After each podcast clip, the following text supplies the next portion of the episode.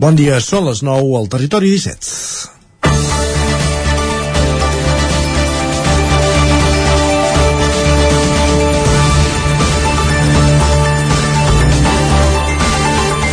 L'encariment de les matèries primeres ja frena obres públiques a les comarques del territori 17.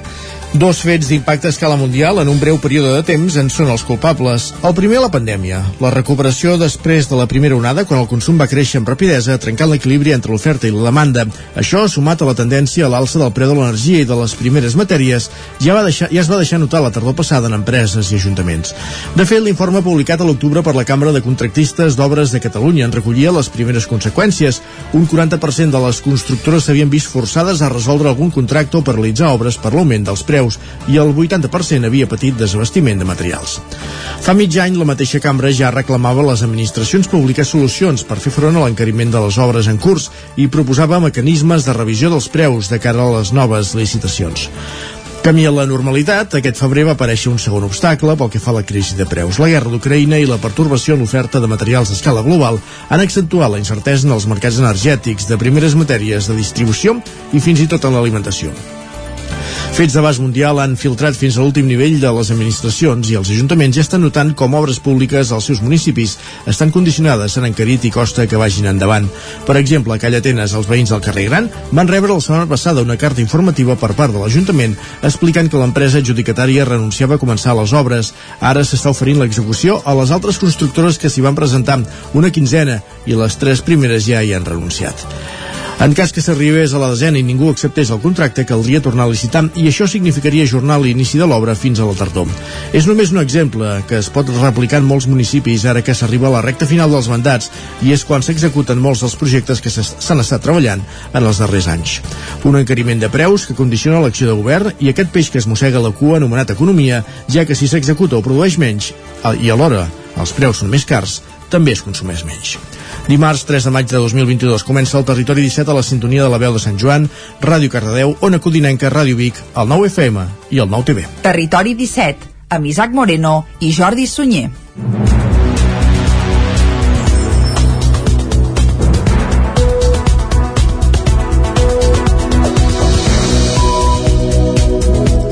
Passen dos minuts i mig de les 9 del matí d'avui dimarts, dia 3 de maig de 2022. S'arrenca ara mateix un nou territori 17 que avui, com sempre, durant la primera hora us acostarà tota l'actualitat de les nostres comarques. A partir de les 10 actualitzarem butlletins informatius, parlarem del temps i després anirem, Isaac, cap a l'entrevista. Correcte, parlarem amb l'alcalde de Sant Vicenç de Torelló, Eric Sibina, on han recuperat el consultori de Borgunyà, però alhora reclamen més horari d'atenció al del nucli principal, el de Sant Vicenç, de tot plegat. En parlarem, com dèiem, amb l'alcalde, amb Eric Sibina, a partir d'un quart de l'onze. Doncs això serà cap a un quart d'onze, exacte. A dos quarts serà el moment de les piulades, aquí a Territori 17, com sempre, amb en Guillem Sánchez. Tot seguit passarem per la taula de redacció i després el que farem és parlar del preu de l'energia, oi? Exacte, a l'Espai de Natura i Medi Ambient. Avui ens acompanya en Gil Salvans, tècnic de l'Agència de l'Energia d'Osona, per parlar de, del preu de l'energia i de la fixació de, dels topalls, perquè no repercuteixi tant el gas en, en altres energies com l'electricitat. Un, un topall treball que, que ha posat que, que, està, que ha treballat el govern espanyol i portuguès a, a nivell europeu. Doncs d'això i de més coses sobre el preu de l'energia amb en Gil Salvans cap a tres quarts d'onze. A les onze actualitzarem de nou el butlletí informatiu i després, com que som dimarts, ens tocarà parlar d'economia. Com cada setmana amb en Joan Carles Arredondó, el cap d'Economia del 9-9 del Vallès Oriental. A dos quarts de dotze, com cada dia, pugem a la R3, a la Trenc d'Alba i després, els dimarts, des de Setmana Santa, acabem amb el territori dona. Avui amb Maria López, Caral Campàs i Txell Vilamana i alerta que posaran la mirada en alguns anuncis del Dia de la Mare, que no precisament en positiu des del punt de vista feminista, femení. Doncs va, ho descobrirem això a la part final d'un programa que ara arrenca, com sempre, fent un repàs a l'actualitat de casa nostra, de casa vostra, ja ho sabeu, de les comarques del Ripollès, Osona, el Moianès i el Vallès Oriental.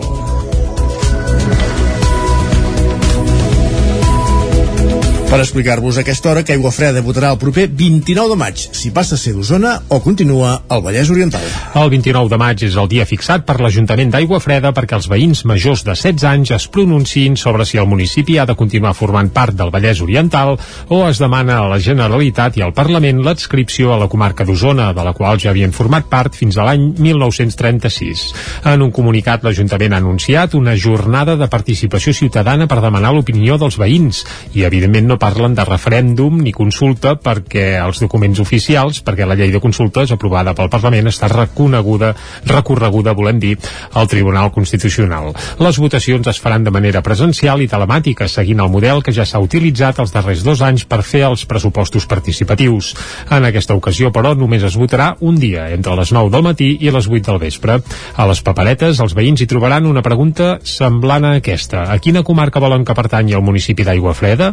I dues possibles respostes ja escrites, Vallès Oriental i Osona.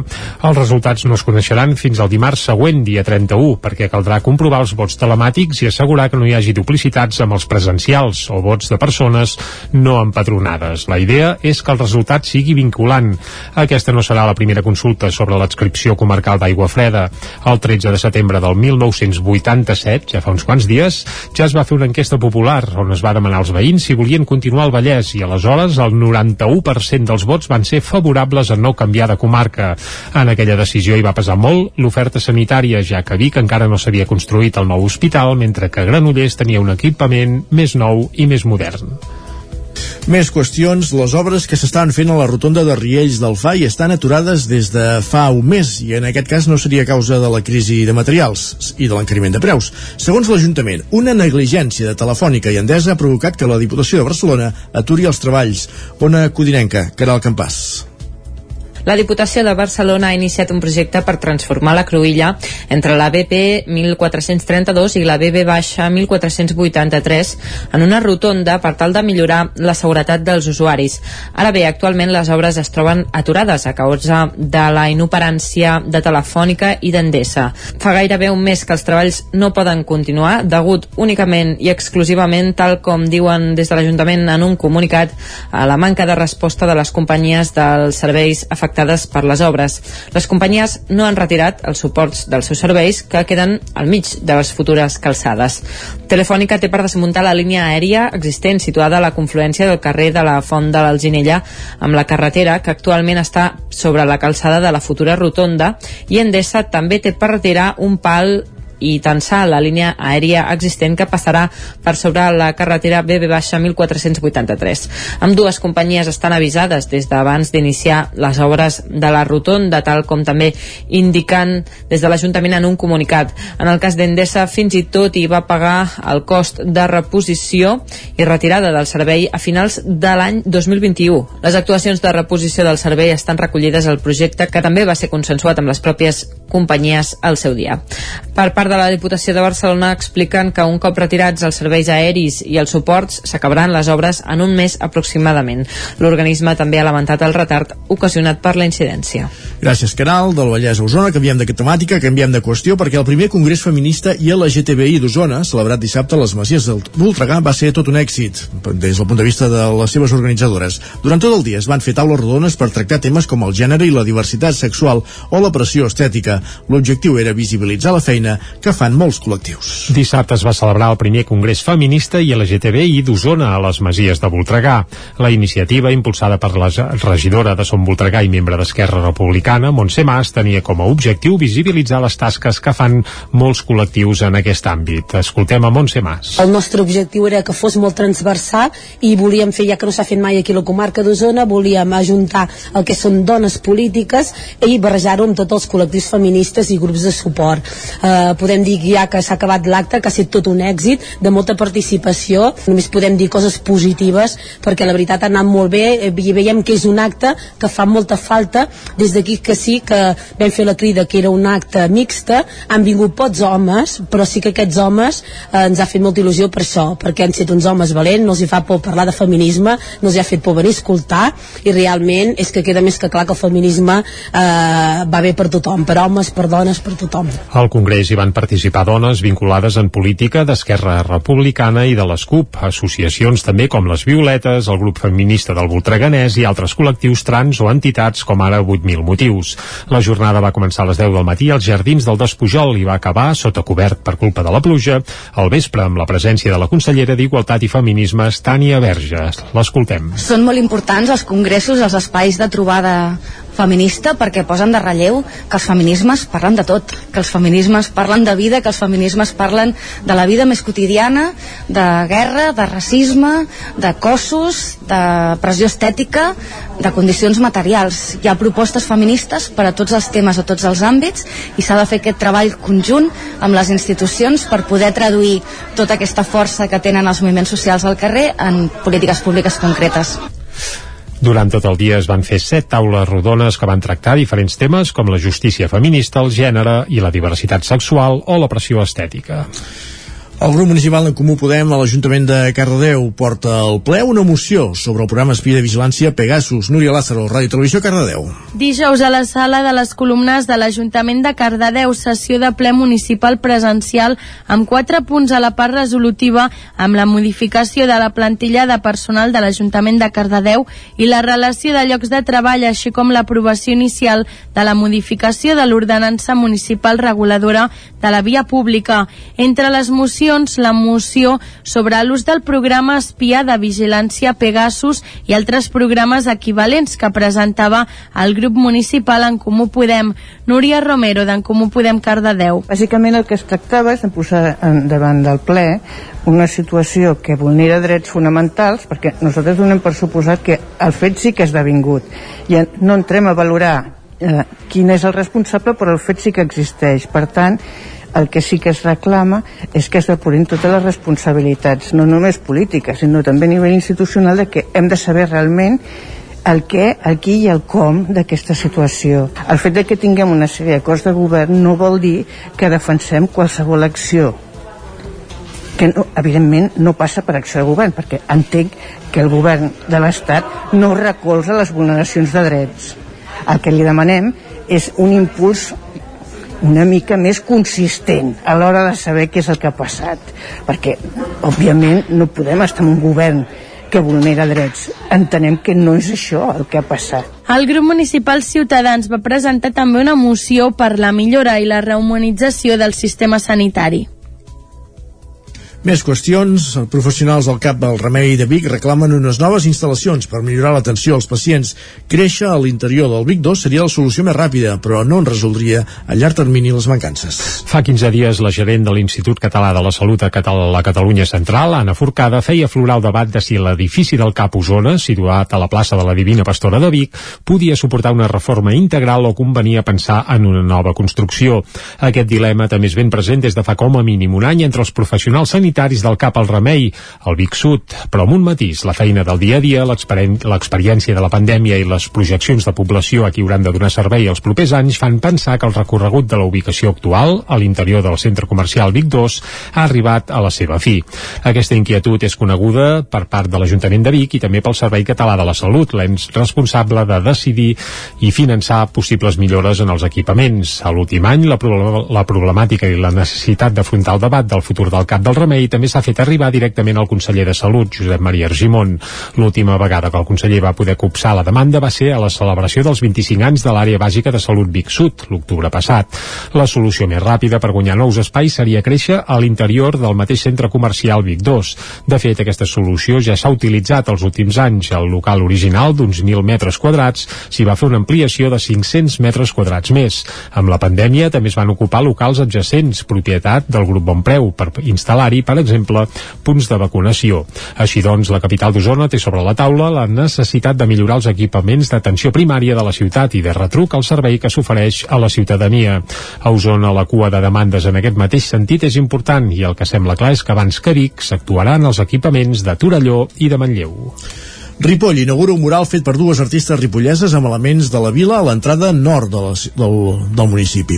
Isaac Muntades, la veu de Sant Joan. El passat divendres al migdia, l'Ajuntament de Ripoll va fer l'acte d'inauguració del nou mural que decora l'entrada nord de Ripoll, just a la confluència entre la carretera C-17 i la Nacional 260 en direcció a Camp de Bànol. El mural ha estat dissenyat per Martí Areu i ha estat plasmat al mur únicament amb traços negres per dues artistes ripolleses, Clàudia Navio i Cristina Guillemet. Al mural s'hi poden veure elements arquitectònics representatius de la vila com la plaça de la Lira o el pont de Calatrava, però també la natura que envolta el municipi. Navio i Guillemet explicaven com van fer el dibuix i les dificultats més rellevants que han tingut. El complicat sí. del dibuix, ja que no és el mateix amb un dibuix físic d'ina 4 o d'ina 3, que plasmar en aquest mural. De fet, quan vam arribar, ens hem mirat el mural i dir, hòstia, no esperàvem que fos no ens hem posat. I és mica en mica doncs, anar fent una mica de quadrícula, de perspectiva i... Clar, al final ho vam dividir una mica aprofitant les línies del formigó, ho vam dividir com amb aquestes línies i també vam com dividir-ho en tres parts. Llavors, a partir d'aquí, pues, al final seguia molt el dibuix, però llavors ja era com una mica el nostre criteri, no? anar seguint intuïtivament, perquè és com l'escala que has de fer és molt més gran. És complicat, perquè nosaltres teníem el dibuix, llavors a nivell de perspectiva hem de plasmar el dibuix. Ho hem de fer pràcticament idèntic. Clar. I a partir d'això, doncs, amb les guies, les línies, punts de fuga, doncs, bueno, ho hem intentat fer sí. el més... Tot i això, alguna línia que en el dibuix és com que queda bé, però quan ho fiques a la paret és diferent, saps? Llavors potser hi va haver alguna cosa que havíem de rectificar perquè no és el mateix un, un full així que, que un mur de, de 40 metres per quasi bé 6. De totes maneres, les artistes afirmaven que se sentien satisfetes amb el resultat. El mural està ubicat en un punt estratègic de la vila, ja que està en un lloc molt visible per tota aquella gent que ve de la C-17 per endinsar-se cap a la vall de Ribes o que hi baixa per entrar a Ripoll. L'alcalde Jordi Monell va recordar que la vila ja fa anys que aposta per aquest art urbà. A Ripoll ja fa alguns anys doncs, que estem intentant incentivar que algunes façanes o murs doncs, tinguin aspectes artístics, és a dir, mica fer una mica d'art urbà. En aquest sentit doncs, hem tenim exemples locals, com és el cas de l'Udal a la Bau, per exemple. Hem participat també amb, amb el Jan, l'autor del, del Super López, o per exemple aquest any passat vam acollir el festival Milestone per donar-li també aquesta dimensió internacional, o també tenim un altre precedent que és el tema de les façanes amb, amb cal·ligrafia, amb cap lletres, tirades amb escriptoris de Ripoll, i ara hem afegit doncs, també doncs, artistes locals, en aquest cas, artistes locals joves, emergents. El Vall de Ripollès va assenyalar que Ripoll s'hi pot fer un recorregut cultural en què s'hi barreja l'art romànic, el modernisme i l'art contemporani, per tant, que té patrimoni de més de mil anys d'antiguitat i d'altre de fa molt menys temps. Monell va subratllar que l'Ajuntament ja està treballant per acollir l'edició 2022 del Festival Milestone, a més d'explorar altres col·laboracions amb altres artistes. 20 anys després de l'estrena, l'Oda a Verdaguer de Salvador Brutons, dirigida pel mateix autor, ha tornat a Vic. L'obra es va estrenar el 2002 i era un encàrrec de l'Ajuntament amb motiu de l'any Verdaguer. Per celebrar el desaniversari de l'Atlàntida fa dos anys s'havia programat de nou, però la pandèmia va fer impossible el concert. Aquest diumenge, finalment, 200 persones, entre cantants i músics, sí que la van interpretar de nou a l'escenari de la sala Ramon Montanyà. L'Orquestra de Cambra de Vic, juntament amb els cors del Conservatori, la Coral Càrmina, la Coral Canigó i el baríton solista Josep Ramon Oliver, van tornar a interpretar aquest diumenge a l'Atlàntida de Vic l'Oda a Verdaguer, una peça en homenatge al poeta de Folgueroles, escrita i composta per Salvador Brutons. Escoltem a Montse Catllà, directora general de la Fundació L'Atlàntida de Vic. Doncs molt satisfets de poder recuperar aquesta obra que ara fa 20 anys es va estrenar. L'havíem de recuperar pel desè aniversari, però finalment amb el tema de la pandèmia l'hem posposada i s'escau ara en el 20è aniversari de la seva estrena.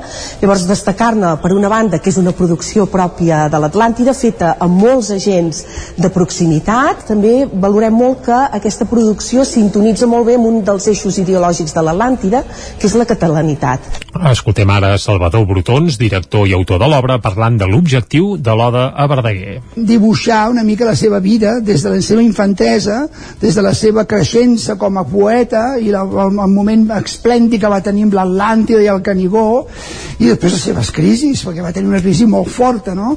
I al final, doncs, amb aquests poemes de la Flors del, Cal, de la Flors del Calvari, doncs també doncs, meditacions sobre la mort cap al final, però esclar, no podia acabar una obra, a més a més, amb, eh, amb Verdaguer no podia acabar amb la mort de Verdaguer, havia d'acabar doncs, amb una exaltació.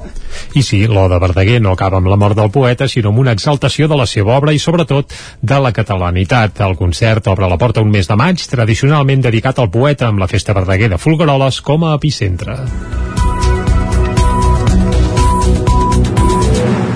Arribats a aquest punt, després de repassar el més destacat a les comarques del territori 17, en companyia de Jordi Sunyer, Núria Lázaro, Isaac Muntades i Caral Campàs, el que fem és saludant Pep Acosta.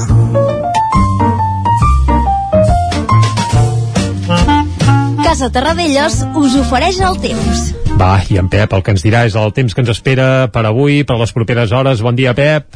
Molt bon dia. I molt bona hora. Dimarts ja, va avançant sí. la setmana. Mm -hmm van avançant els dies, Correcte. també del mes de maig, i avançarem, aviam què farà el temps avui. Va, Venim d'una nit eh, encara amb força núvols, força nubositat, i amb especial precipitació cap al sud del país, cap al sud de Catalunya, amb unes tempestes que han superat els 50-60 litres.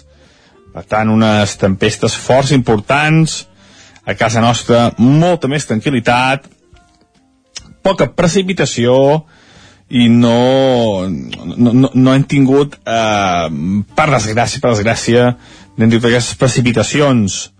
Eh, recordem que encara hi ha zones de les nostres comarques amb un dèficit d'aigua bastant important i seria molt bo, molt bo eh, que pogués, sobretot aquest mes de maig, eh, aquest mes de maig és l'antesala ja de, de l'estiu, dels mesos més calorosos, eh, hi hauria de ploure una mica més eh, per assegurar el terreny que sigui més moll, eh, ja que pot ser un estiu perillós pel que fa als incendis, cada estiu és perillós pels incendis, però aquest especialment amb la sequera que hi ha a moltes comarques.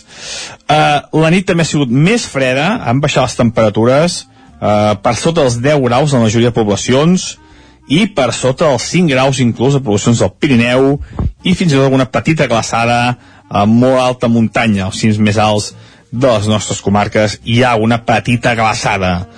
Uh, avui serà un dia bastant semblant al d'ahir, uh, molta nuvolositat, però una mica més tancada. Potser tindrem una mica més d'hores de sol. I de cara a la tarda tornaran a créixer nuvolades, uh, pel maig cada dia un raig, i uh, pot ploure una mica, sobretot a Osona i Ripollès.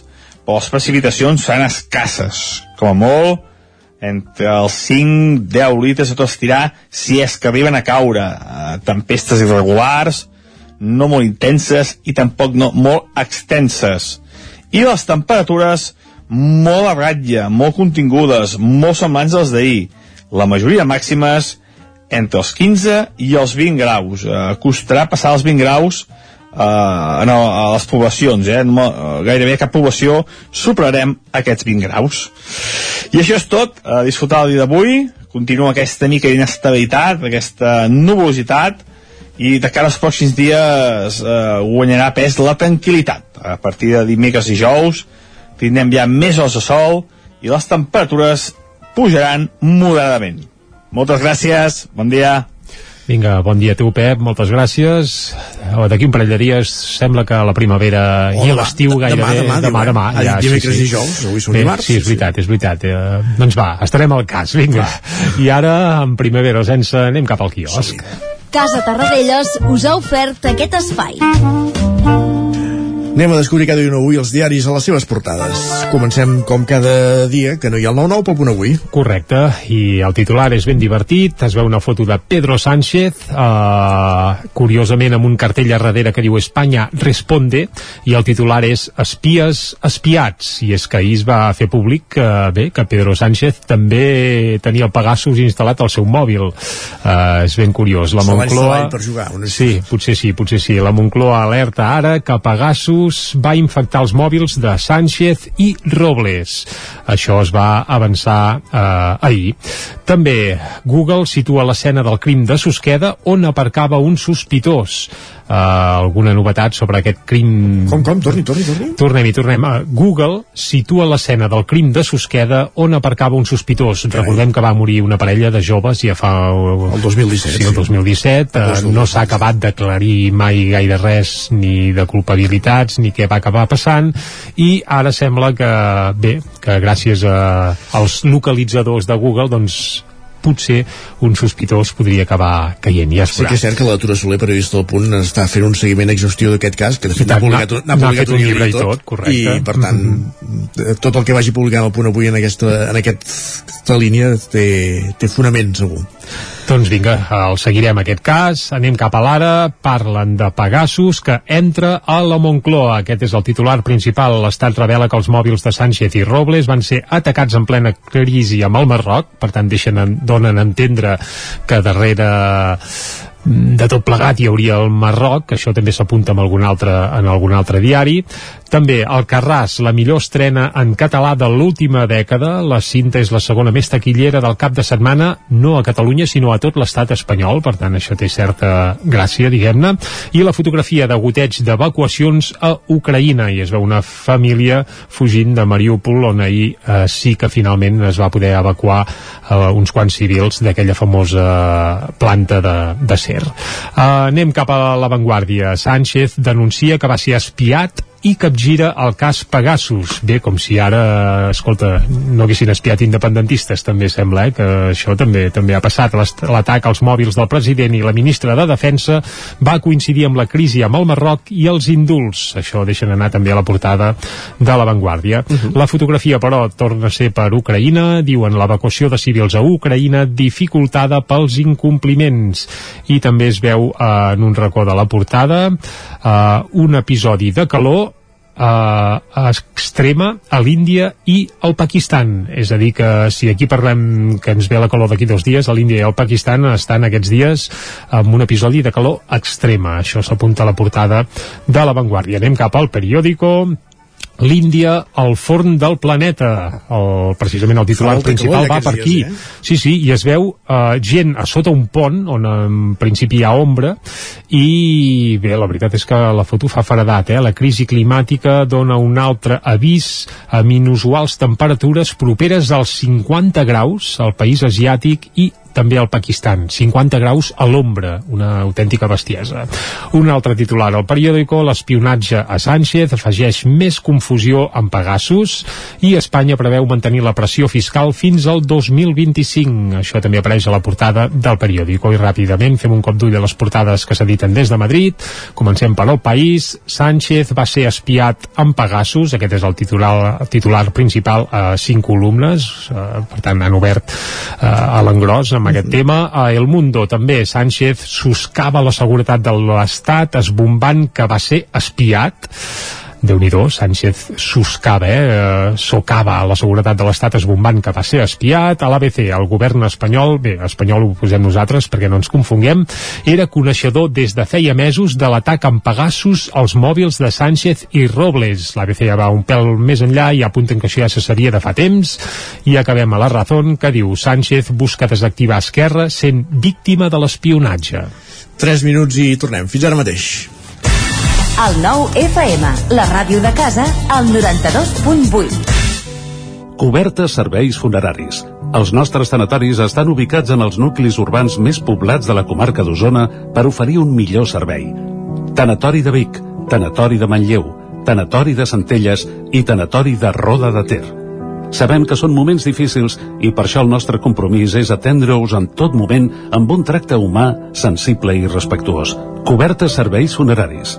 Telèfon 24 hores 93 883 23 46. A la Clínica Dental Sant Fortià hi trobareu un equip professional que treballa de manera coordinada per oferir un tracte sensible i humà. Estem preparats per qualsevol urgència dental i oferim accions preventives per la tercera edat i els infants.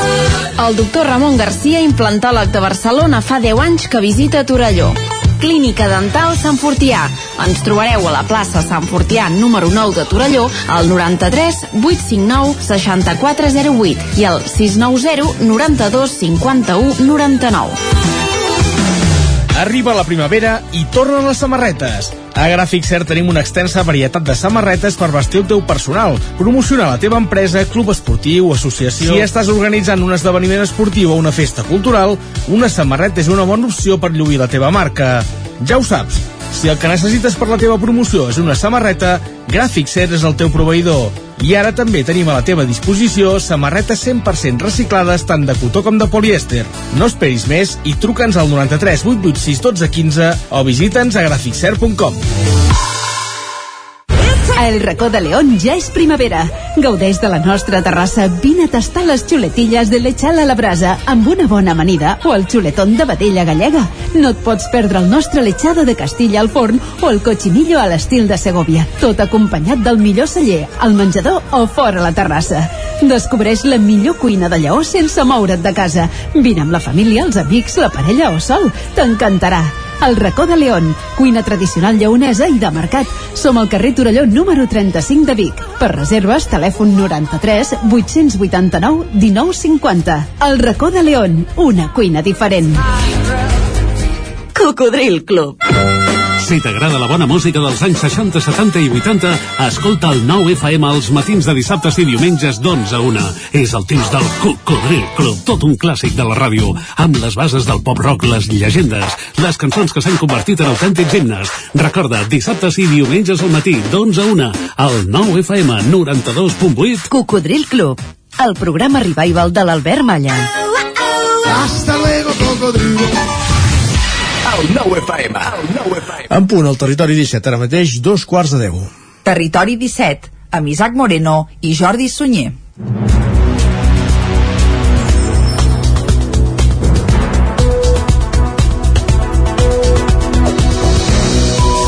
Doncs vinga, i a dos quarts de deu en punt d'avui dimarts, dia 3 de maig de 2022, el que farem de seguida és acostar-vos de nou tota l'actualitat de les nostres comarques, però abans ja us avancem tot el que tindrem fins al punt de les 12 del migdia. Abans de les 10, com cada dia, hi posarem una mica de música, i avui eh, anirem de cromos sol·licitats. Saps que ahir, Isaac, vam escoltar un tema, un clàssic en versió, versió punk, uh, clar, vam avançar que a part del que vam escoltar ahir, que era una cançó de Quimi Portet eh, passada pel sedàs del Rat Penat, un grup de punk rock, doncs que també havien fet versions d'Albert Pla, de Lluís Llach, i és que, bé, al migdia a mi m'apedregaven dient en volem escoltar un altre, i avui n'escoltarem un altre. Ja avisem que avui prou, eh, que tampoc hem d'abusar, però avui un altre clàssic del repertori eh, nostrat, passat pel sedàs d'aquests punks, que a més a més d'aquí quatre dies tocaran a Vic, per tant, tot lliga ja.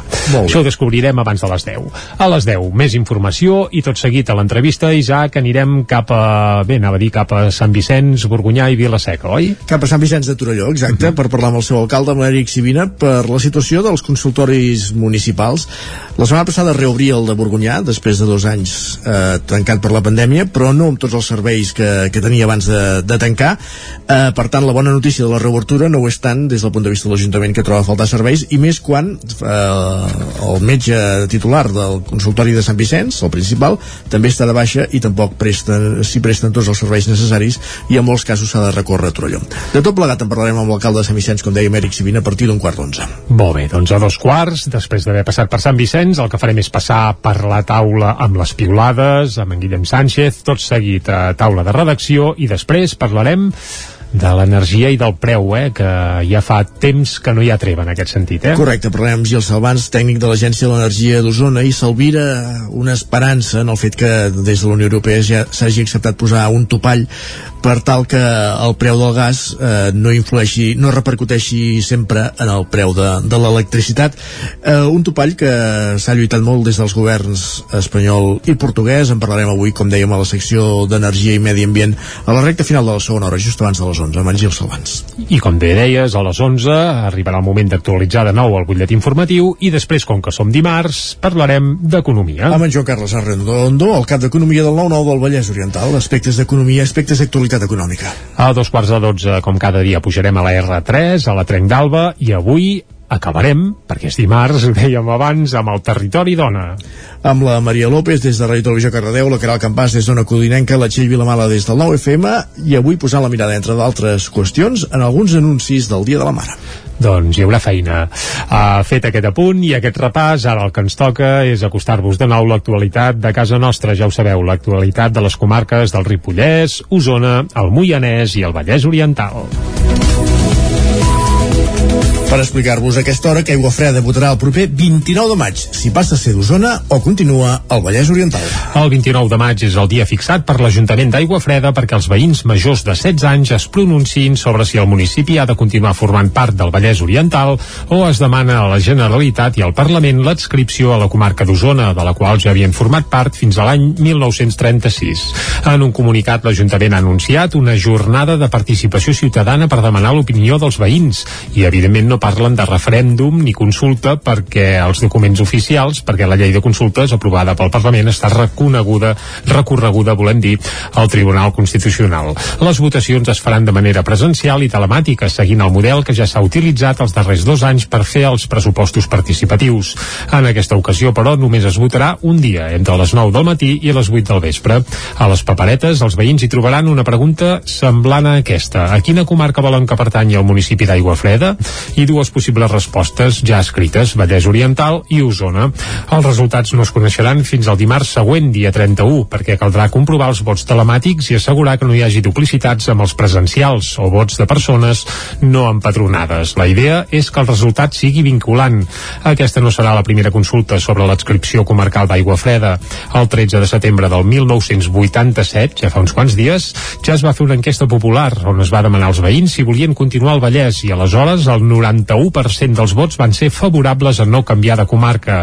En aquella decisió hi va pesar molt l'oferta sanitària, ja que Vic encara no s'havia construït el nou hospital, mentre que Granollers tenia un equipament més nou i més modern. Més qüestions, les obres que s'estaven fent a la rotonda de Riells del FAI estan aturades des de fa un mes i en aquest cas no seria causa de la crisi de materials i de l'encariment de preus. Segons l'Ajuntament, una negligència de Telefònica i Endesa ha provocat que la Diputació de Barcelona aturi els treballs. Ona Codinenca, Caral Campàs.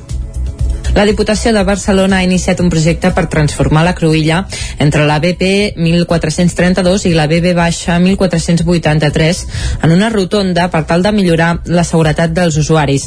Ara bé, actualment les obres es troben aturades a causa de la inoperància de Telefònica i d'Endesa. Fa gairebé un mes que els treballs no poden continuar degut únicament i exclusivament, tal com diuen des de l'Ajuntament en un comunicat, a la manca de resposta de les companyies dels serveis afectats afectades per les obres. Les companyies no han retirat els suports dels seus serveis que queden al mig de les futures calçades.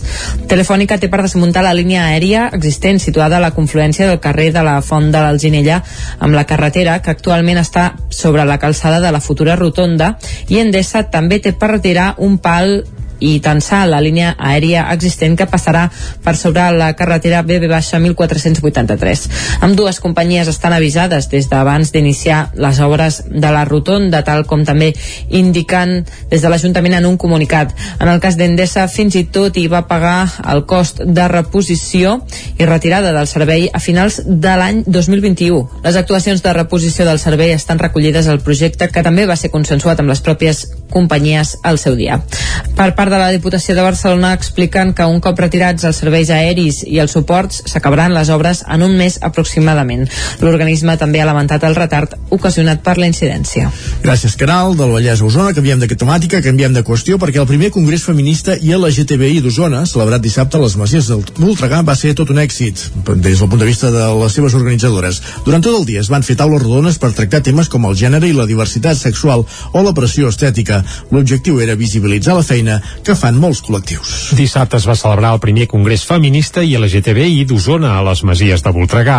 La iniciativa, impulsada per la regidora de Som Voltregà i membre d'Esquerra Republicana, Montse Mas, tenia com a objectiu visibilitzar les tasques que fan molts col·lectius en aquest àmbit. Escoltem a Montse Mas. El nostre objectiu era que fos molt transversal i volíem fer, ja que no s'ha fet mai aquí a la comarca d'Osona, volíem ajuntar el que són dones polítiques i barrejar-ho amb tots els col·lectius feministes i grups de suport. Eh, podem dir ja que s'ha acabat l'acte, que ha estat tot un èxit, de molta participació, només podem dir coses positives, perquè la veritat ha anat molt bé, eh, i veiem que és un acte que fa molta falta, des d'aquí que sí que vam fer la crida que era un acte mixta, han vingut pocs homes, però sí que aquests homes eh, ens ha fet molta il·lusió per això, perquè han estat uns homes valents, no els hi fa por parlar de feminisme, no els hi ha fet por venir a escoltar, i realment és que queda més que clar que el feminisme eh, va bé per tothom, per homes, per dones, per tothom. Al Congrés hi van participar dones vinculades en política d'Esquerra Republicana i de les CUP, associacions també com les Violetes, el grup feminista del Voltreganès i altres col·lectius trans o entitats com ara 8.000 motius.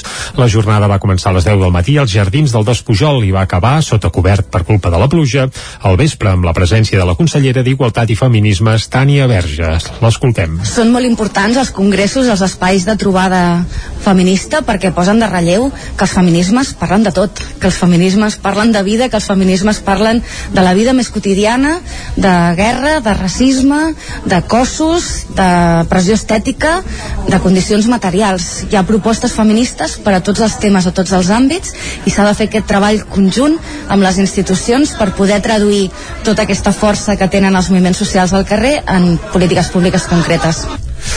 Durant tot el dia es van fer set taules rodones que van tractar diferents temes com la justícia feminista, el gènere i la diversitat sexual o la pressió estètica.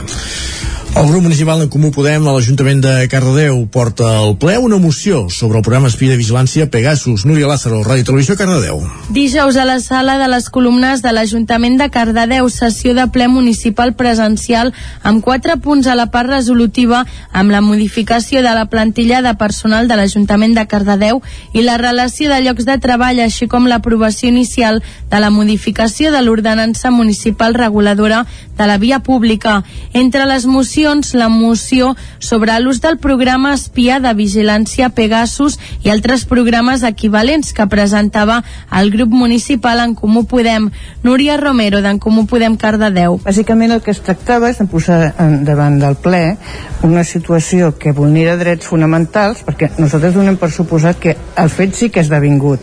I no entrem a valorar eh, quin és el responsable però el fet sí que existeix per tant el que sí que es reclama és que es depurin totes les responsabilitats no només polítiques sinó també a nivell institucional de que hem de saber realment el què, el qui i el com d'aquesta situació. El fet de que tinguem una sèrie d'acords de govern no vol dir que defensem qualsevol acció que no, evidentment no passa per acció de govern perquè entenc que el govern de l'Estat no recolza les vulneracions de drets el que li demanem és un impuls una mica més consistent a l'hora de saber què és el que ha passat perquè òbviament no podem estar en un govern que vulnera drets. Entenem que no és això el que ha passat. El grup municipal Ciutadans va presentar també una moció per la millora i la rehumanització del sistema sanitari.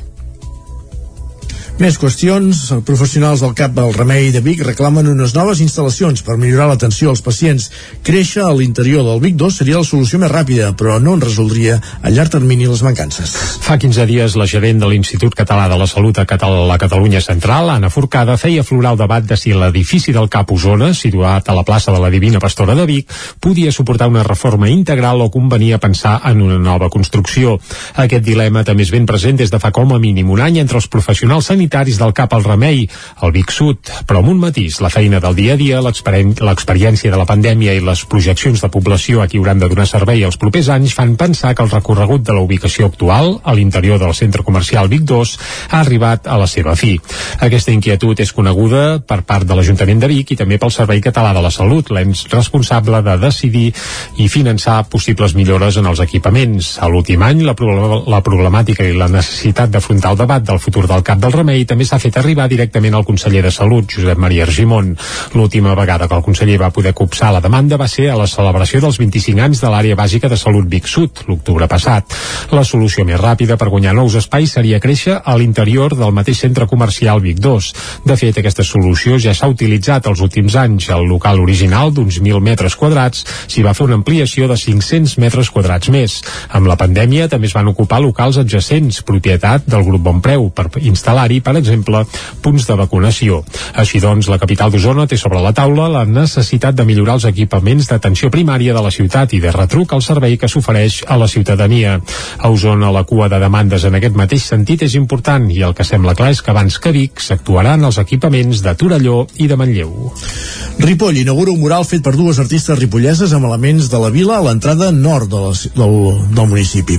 Isaac Muntades, la veu de Sant Joan. El passat divendres al migdia l'Ajuntament de Ripoll va fer l'acte d'inauguració del nou mural que decora l'entrada nord de Ripoll, just a la confluència entre la carretera C-17 i la Nacional 260 en direcció a Can de Bànol. El mural ha estat dissenyat per Martí Areu i ha estat plasmat al mur únicament amb traços negres per dues artistes ripolleses, Clàudia Navio i Cristina Guillemet. Al mural s'hi poden veure elements arquitectònics representatius de la vila com la plaça de la Lira o el pont de Calatrava, però també la natura que envolta el municipi. Navio i Guillemet explicaven com van fer el dibuix i les dificultats més rellevants que han tingut. El complicat sí. del dibuix, ja que no és el mateix amb un dibuix físic d'ina 4 o d'ina 3 que plasmar en aquest mural. De fet, quan vam arribar, ens hem mirat el mural i vam dir, hòstia, no esperàvem que fos ens hem posat. I és mica en mica doncs, anar fent una mica de quadrícula, de perspectiva i... Clar, al final vam dividir una mica amb, aprofitant les línies del formigó, ho vam dividir com amb aquestes línies i també vam com dividir-ho en tres parts. Llavors, a partir d'aquí, pues, al final seguia molt el dibuix, però llavors ja era com una mica el nostre criteri, no? anar seguint intuïtivament, perquè és com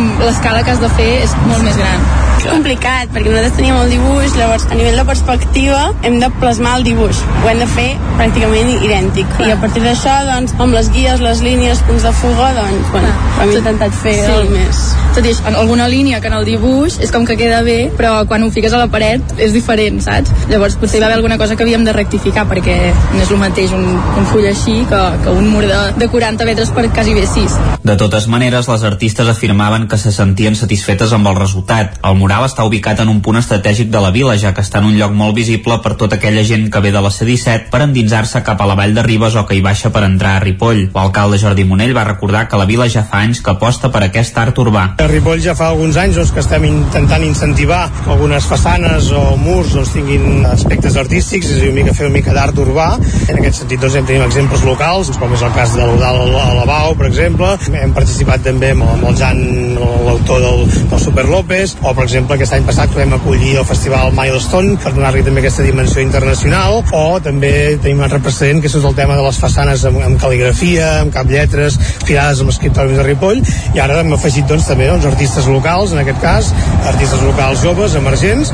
El Batlle Ripollès va assenyalar que Ripoll s'hi pot fer un recorregut cultural en què s'hi barreja l'art romànic, el modernisme i l'art contemporani, per tant, que té patrimoni de més de mil anys d'antiguitat i d'altre de fa molt menys temps. Monell va subratllar que l'Ajuntament ja està treballant per acollir l'edició 2022 del Festival Milestone, a més d'explorar altres col·laboracions amb altres artistes. 20 anys després de l'estrena, l'Oda a Verdaguer de Salvador Brutons, dirigida pel mateix autor, ha tornat a Vic. L'obra es va estrenar el 2002 i era un encàrrec de l'Ajuntament amb motiu de l'any Verdaguer. Per celebrar el desaniversari de l'Atlàntida fa dos anys s'havia programat de nou, però la pandèmia va fer impossible el concert. Aquest diumenge, finalment, 200 persones, entre cantants i músics, sí que la van interpretar de nou a l'escenari de la sala Ramon Montanyà. L'Orquestra de Cambra de Vic, juntament amb els cors del Conservatori, la Coral Càrmina, la Coral Canigó i el baríton solista Josep Ramon Oliver, van tornar a interpretar aquest diumenge a l'Atlàntida de Vic l'Oda a Verdaguer, una peça en homenatge al poeta de Folgueroles, escrita i composta per Salvador Brutons. Escoltem a Montse Catllà, directora general de la Fundació L'Atlàntida de Vic. Doncs molt satisfets de poder recuperar aquesta obra que ara fa 20 anys es va estrenar. L'havíem de recuperar pel desè aniversari, però finalment amb el tema de la pandèmia l'hem posposada i s'escau ara en el 20è aniversari de la seva estrena. Llavors destacar-ne, per una banda, que és una producció pròpia de l'Atlàntida, feta amb molts agents de proximitat. També valorem molt que aquesta producció sintonitza molt bé amb un dels eixos ideològics de l'Atlàntida, que és la catalanitat. Escoltem ara Salvador Brutons, director i autor de l'obra, parlant de l'objectiu de l'Oda a Verdaguer. Dibuixar una mica la seva vida des de la seva infantesa, des de la seva creixença com a poeta i la, el, el moment esplèndid que va tenir amb l'Atlàntida i el Canigó i després les seves crisis, perquè va tenir una crisi molt forta, no? I al final, doncs, amb aquells poemes de la Flors del, Cal, de la Flors del Calvari, doncs també doncs, meditacions sobre la mort cap al final, però esclar, no podia acabar una obra, a més a més, amb, eh, amb Verdaguer no podia acabar amb la mort de Verdaguer, havia d'acabar doncs, amb una exaltació. I sí, l'Oda Verdaguer no acaba amb la mort del poeta, sinó amb una exaltació de la seva obra i sobretot de la catalanitat. El concert obre la porta un mes de maig, tradicionalment dedicat al poeta amb la Festa Verdaguer de Folgueroles com a epicentre. Arribats a aquest punt, després de repassar el més destacat a les comarques del territori 17, en companyia de Jordi Sunyer, Núria Lázaro, Isaac Muntades i Caral Campàs, el que fem és saludant Pep Acosta.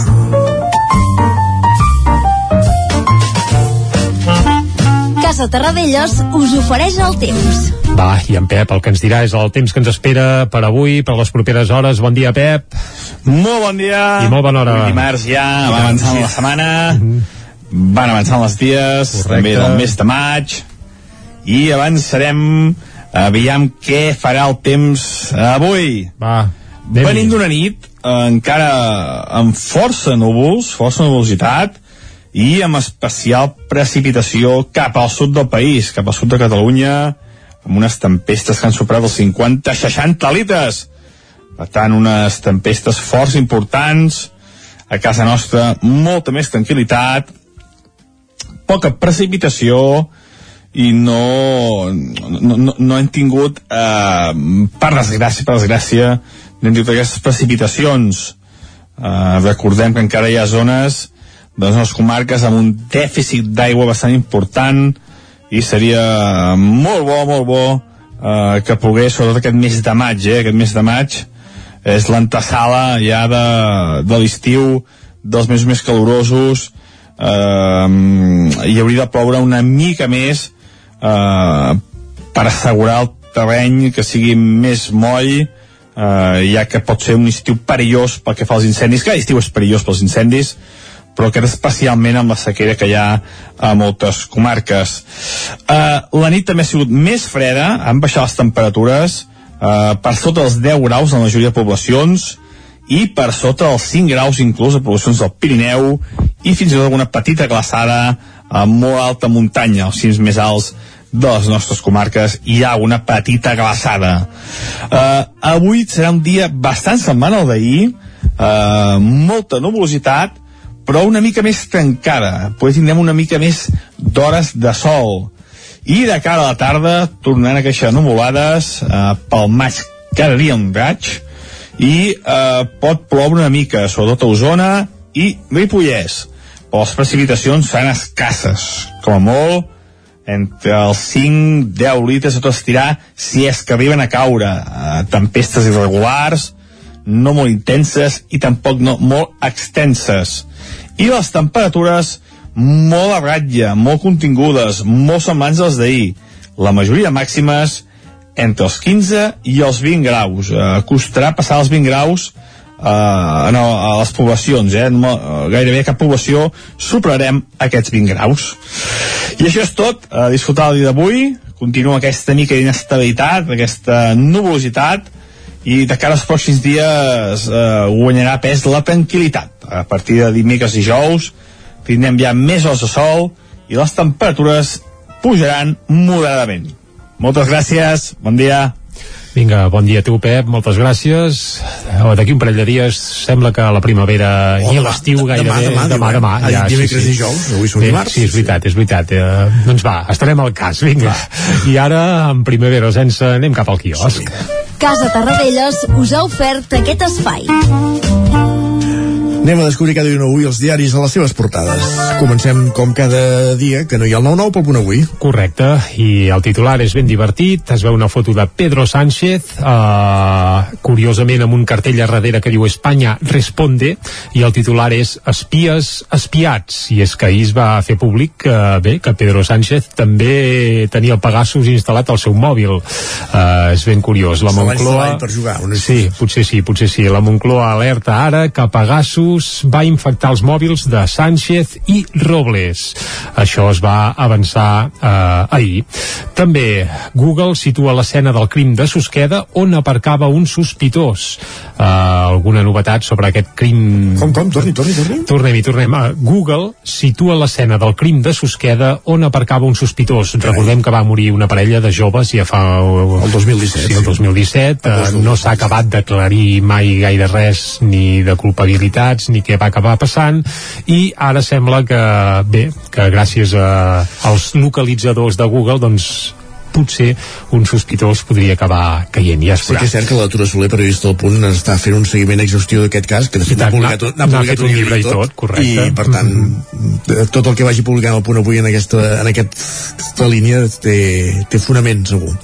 Doncs vinga, el seguirem aquest cas, anem cap a l'ara, parlen de Pegasus que entra a la Moncloa, aquest és el titular principal, l'estat revela que els mòbils de Sánchez i Robles van ser atacats en plena crisi amb el Marroc, per tant deixen, donen a entendre que darrere de tot plegat hi hauria el Marroc, que això també s'apunta en algun altre, en algun altre diari. També el Carràs, la millor estrena en català de l'última dècada. La cinta és la segona més taquillera del cap de setmana, no a Catalunya, sinó a tot l'estat espanyol, per tant això té certa gràcia, diguem-ne. I la fotografia de goteig d'evacuacions a Ucraïna, i es veu una família fugint de Mariúpol, on ahir eh, sí que finalment es va poder evacuar eh, uns quants civils d'aquella famosa planta de, de ser Twitter. Uh, anem cap a l'avantguàrdia. Sánchez denuncia que va ser espiat i capgira el cas Pegasus. Bé, com si ara, escolta, no haguessin espiat independentistes, també sembla, eh, que això també també ha passat. L'atac als mòbils del president i la ministra de Defensa va coincidir amb la crisi amb el Marroc i els indults. Això deixen anar també a la portada de l'avantguàrdia. Uh -huh. La fotografia, però, torna a ser per Ucraïna. Diuen l'evacuació de civils a Ucraïna dificultada pels incompliments. I també es veu eh, en un racó de la portada eh, un episodi de calor eh, extrema a l'Índia i al Pakistan. És a dir, que si aquí parlem que ens ve la calor d'aquí dos dies, a l'Índia i al Pakistan estan aquests dies amb un episodi de calor extrema. Això s'apunta a la portada de l'avantguàrdia. Anem cap al periòdico l'Índia al forn del planeta el, precisament el titular Fa molta principal va per aquí dies, eh? sí, sí, i es veu uh, gent a sota un pont on en principi hi ha ombra i bé, la veritat és que la foto fa faradat, eh? la crisi climàtica dona un altre avís amb inusuals temperatures properes als 50 graus al país asiàtic i també al Pakistan, 50 graus a l'ombra, una autèntica bestiesa. Un altre titular al periòdico, l'espionatge a Sánchez afegeix més confusió amb Pegasus i Espanya preveu mantenir la pressió fiscal fins al 2025. Això també apareix a la portada del periòdico i ràpidament fem un cop d'ull a les portades que s'editen des de Madrid. Comencem per al país. Sánchez va ser espiat amb Pegasus, aquest és el titular, el titular principal a cinc columnes, eh, per tant han obert eh, a l'engròs amb aquest tema. A El Mundo també Sánchez soscava la seguretat de l'Estat esbombant que va ser espiat. déu nhi Sánchez soscava, eh? eh, socava la seguretat de l'Estat esbombant que va ser espiat. A l'ABC, el govern espanyol, bé, espanyol ho posem nosaltres perquè no ens confonguem, era coneixedor des de feia mesos de l'atac amb Pegasus als mòbils de Sánchez i Robles. L'ABC ja va un pèl més enllà i apunten que això ja se sabia de fa temps i acabem a la Razón que diu Sánchez busca desactivar Esquerra sent víctima de l'espionatge. Ja està, espies espiats, és el Espies, que sí, deien el titular del Ara, punt avui. ara algú li dirà a la Robles, clar, és que si pactes amb independentistes, clar que t'hem d'espiar, no? I ell haurà de callar, no?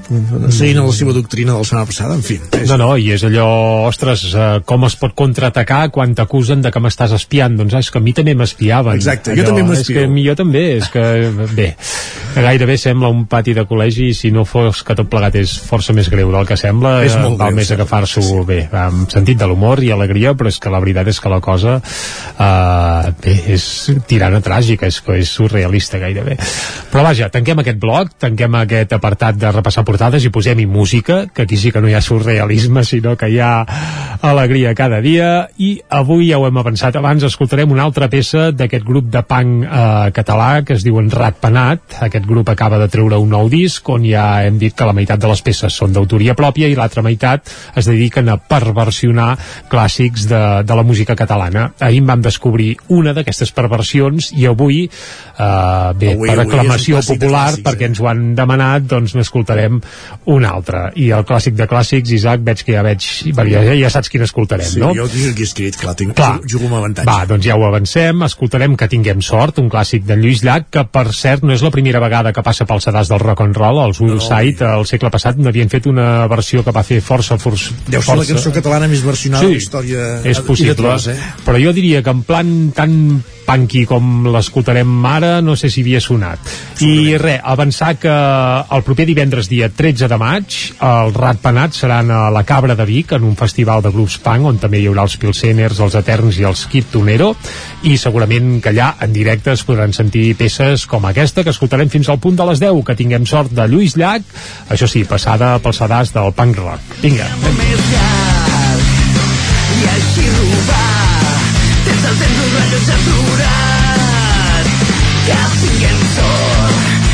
que trobem tot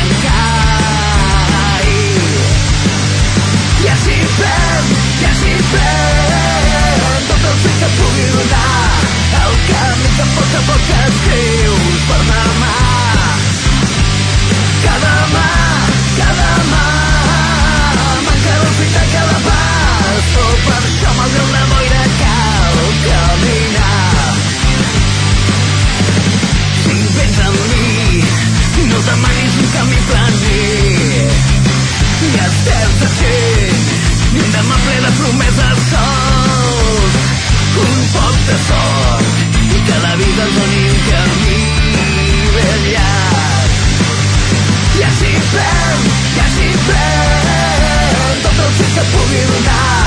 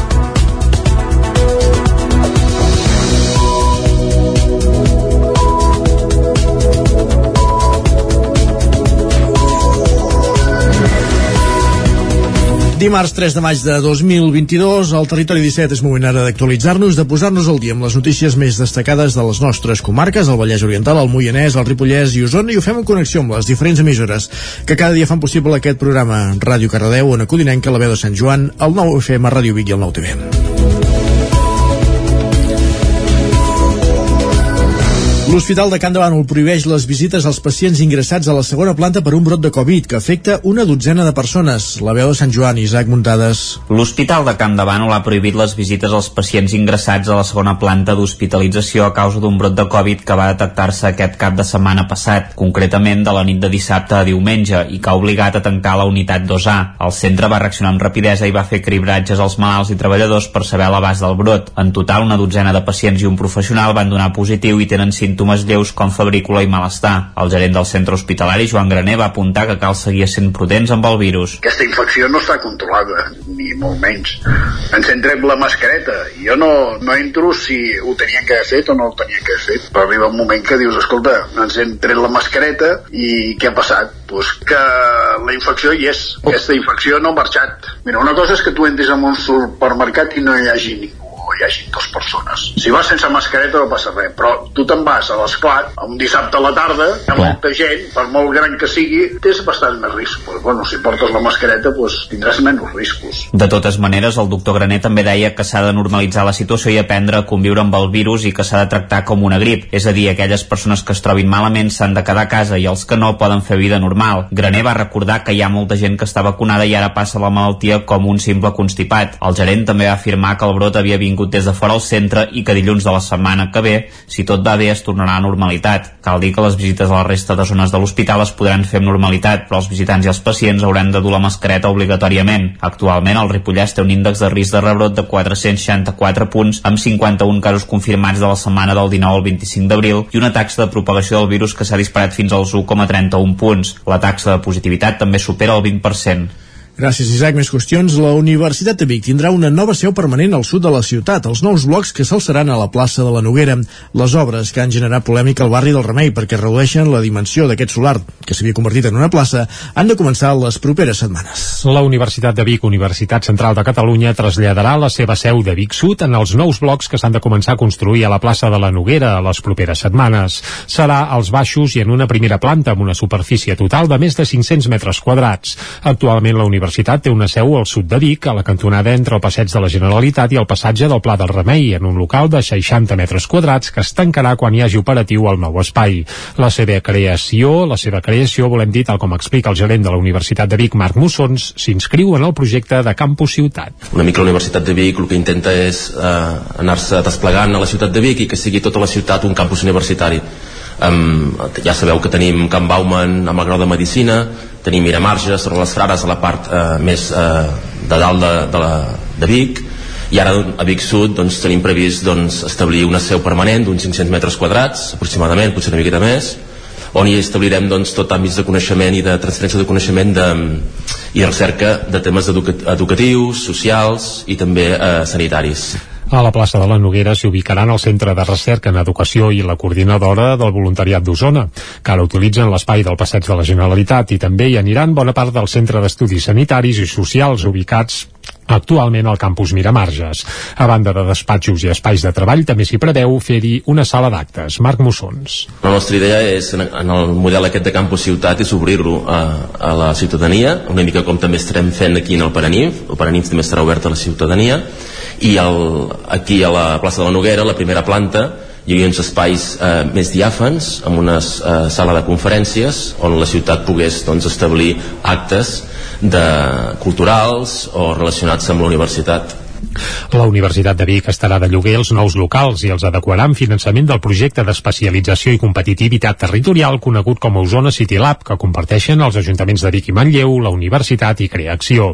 La construcció dels blocs d'habitatges a la plaça de la Noguera ha estat envoltada de polèmica els últims anys. S'hi han oposat l'Associació de Veïns, l'entitat Remei i Reviu i també Esquerra i Capgirem Vic. Demanaven que la plaça, situada en uns terrenys privats, es mantingués en la forma que havia tingut fins ara. Amb els edificis només se'n mantindrà una petita part. Més actualitat universitària, Joan Torró explica els motius que l'han portat a deixar la Direcció General de la Fundació Universitària Balmes en una entrevista al Nou TV.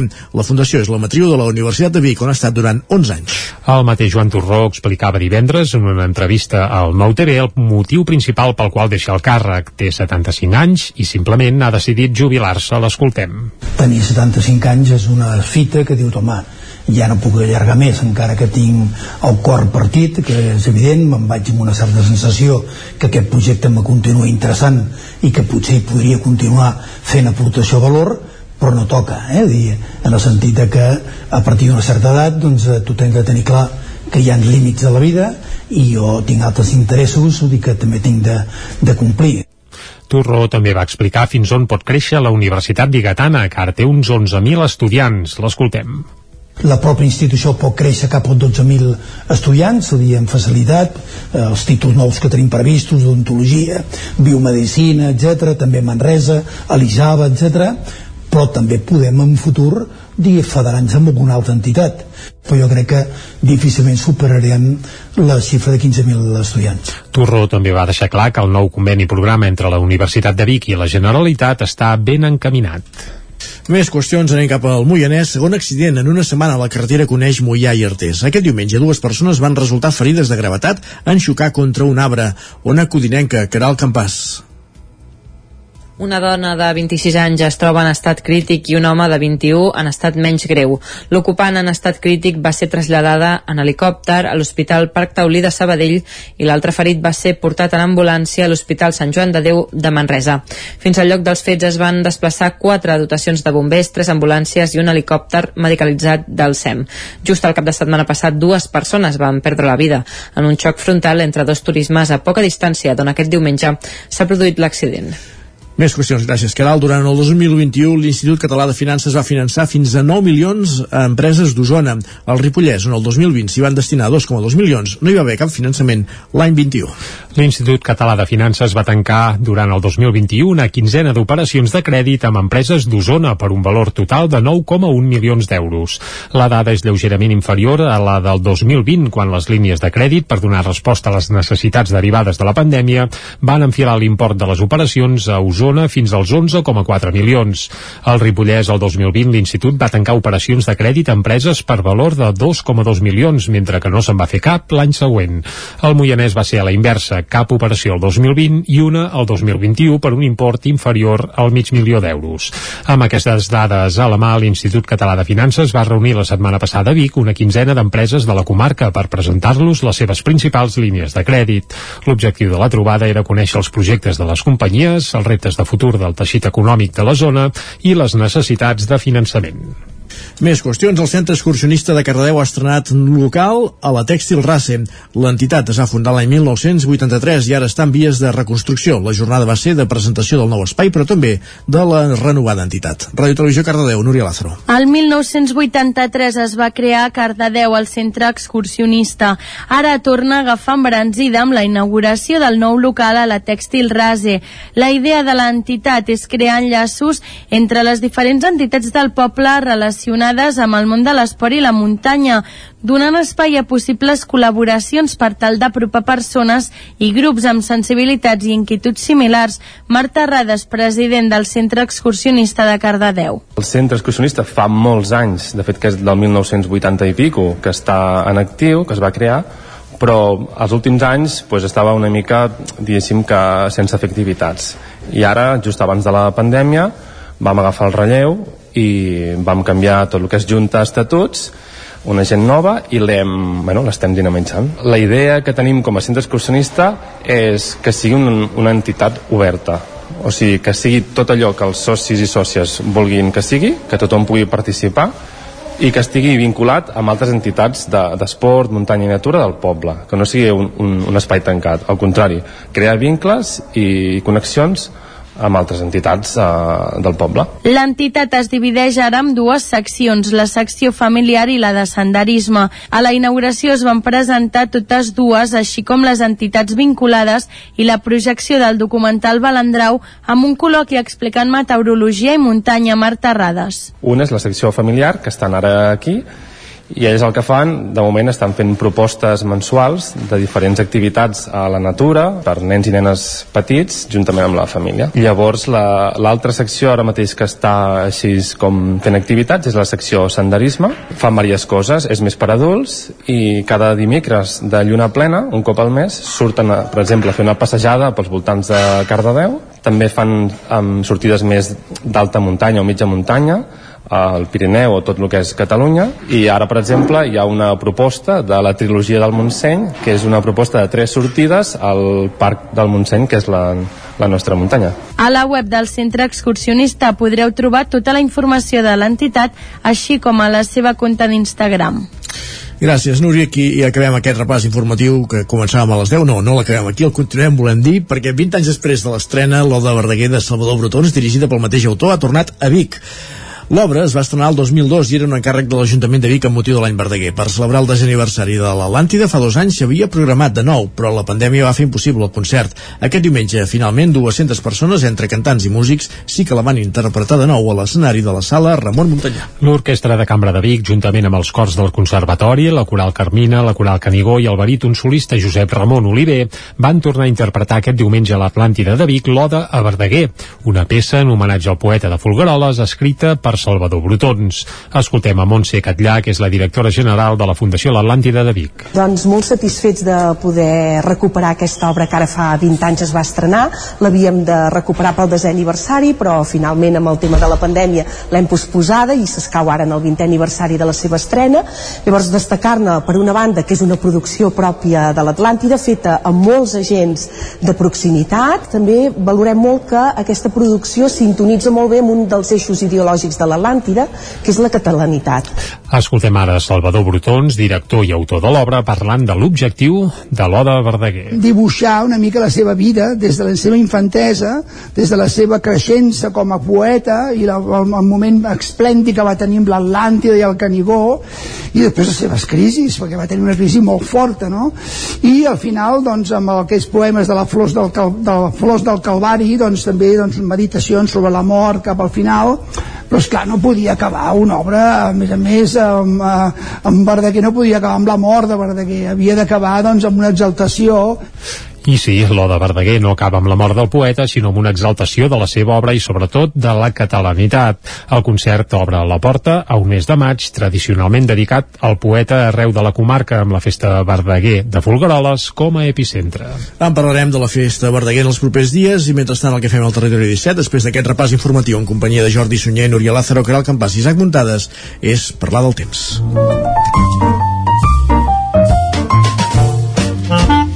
Casa Terradellos us ofereix el temps. I com sempre, per parlar del temps a Territori 17, tenim en Pep Acosta. Aquí ja saludem de nou. Pep, bon dia. Molt bon dia. Uh, la nit també ha sigut més freda, han Sí. baixat les temperatures uh, per sota dels 10 graus a la majoria de poblacions i per sota dels 5 graus inclús a poblacions del Pirineu i fins i tot alguna petita glaçada a molt alta muntanya, als cims més alts de les nostres comarques hi ha una petita glaçada. Uh, avui serà un dia bastant semblant al d'ahir, uh, molta nuvolositat, però una mica més tancada. Potser tindrem una mica més d'hores de sol. I de cara a la tarda tornaran a créixer nuvolades eh, pel maig cada dia un raig I tant. i eh, pot ploure una mica, sobretot a Osona i Ripollès. Però les precipitacions seran escasses, com a molt entre els 5-10 litres a tot estirar si és que arriben a caure eh, tempestes irregulars no molt intenses i tampoc no molt extenses. I les temperatures molt a ratlla, molt contingudes molt semblants als d'ahir. La majoria màximes entre els 15 i els 20 graus. Eh, costarà passar els 20 graus eh, no, a les poblacions eh? no, eh, gairebé cap població superarem aquests 20 graus. I això és tot, a disfrutar el dia d'avui. Continua aquesta mica d'inestabilitat aquesta nuvolositat i de cara als pròxims dies eh, guanyarà pes la tranquil·litat. A partir de dimecres i jous tindrem ja més hores de sol i les temperatures pujaran moderadament. Moltes gràcies, bon dia Doncs tothom pendent d'aquesta pujada moderada de les temperatures. Moderada, eh? Moderada. Va, no, no passarà com a l'Índia, en Esperem que principi. no. Esperem, Esperem que esperem, no Doncs va. 60 graus ha de ser molt dur, eh? Home, doncs sí. I a l'ombra, és que clar, és que... Bé, fa, fa de mal imaginar i tot. Esperem que no arribi, esperem que no arribi. Anem cap a Sant Vicenç de Torelló, que anem a l'entrevista. Sí, no hi fa tanta calor, Sant Vicenç. Vinga. Casa Tarradellas us ha ofert aquest espai. Territori 17. Envia'ns les teves notes de veu per WhatsApp al 646 079 023. 646 079 023. WhatsApp Territori 17.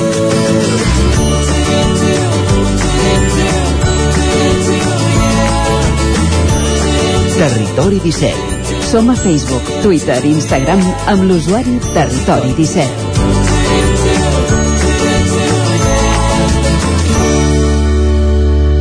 Passa un minut d'un quart d'onze.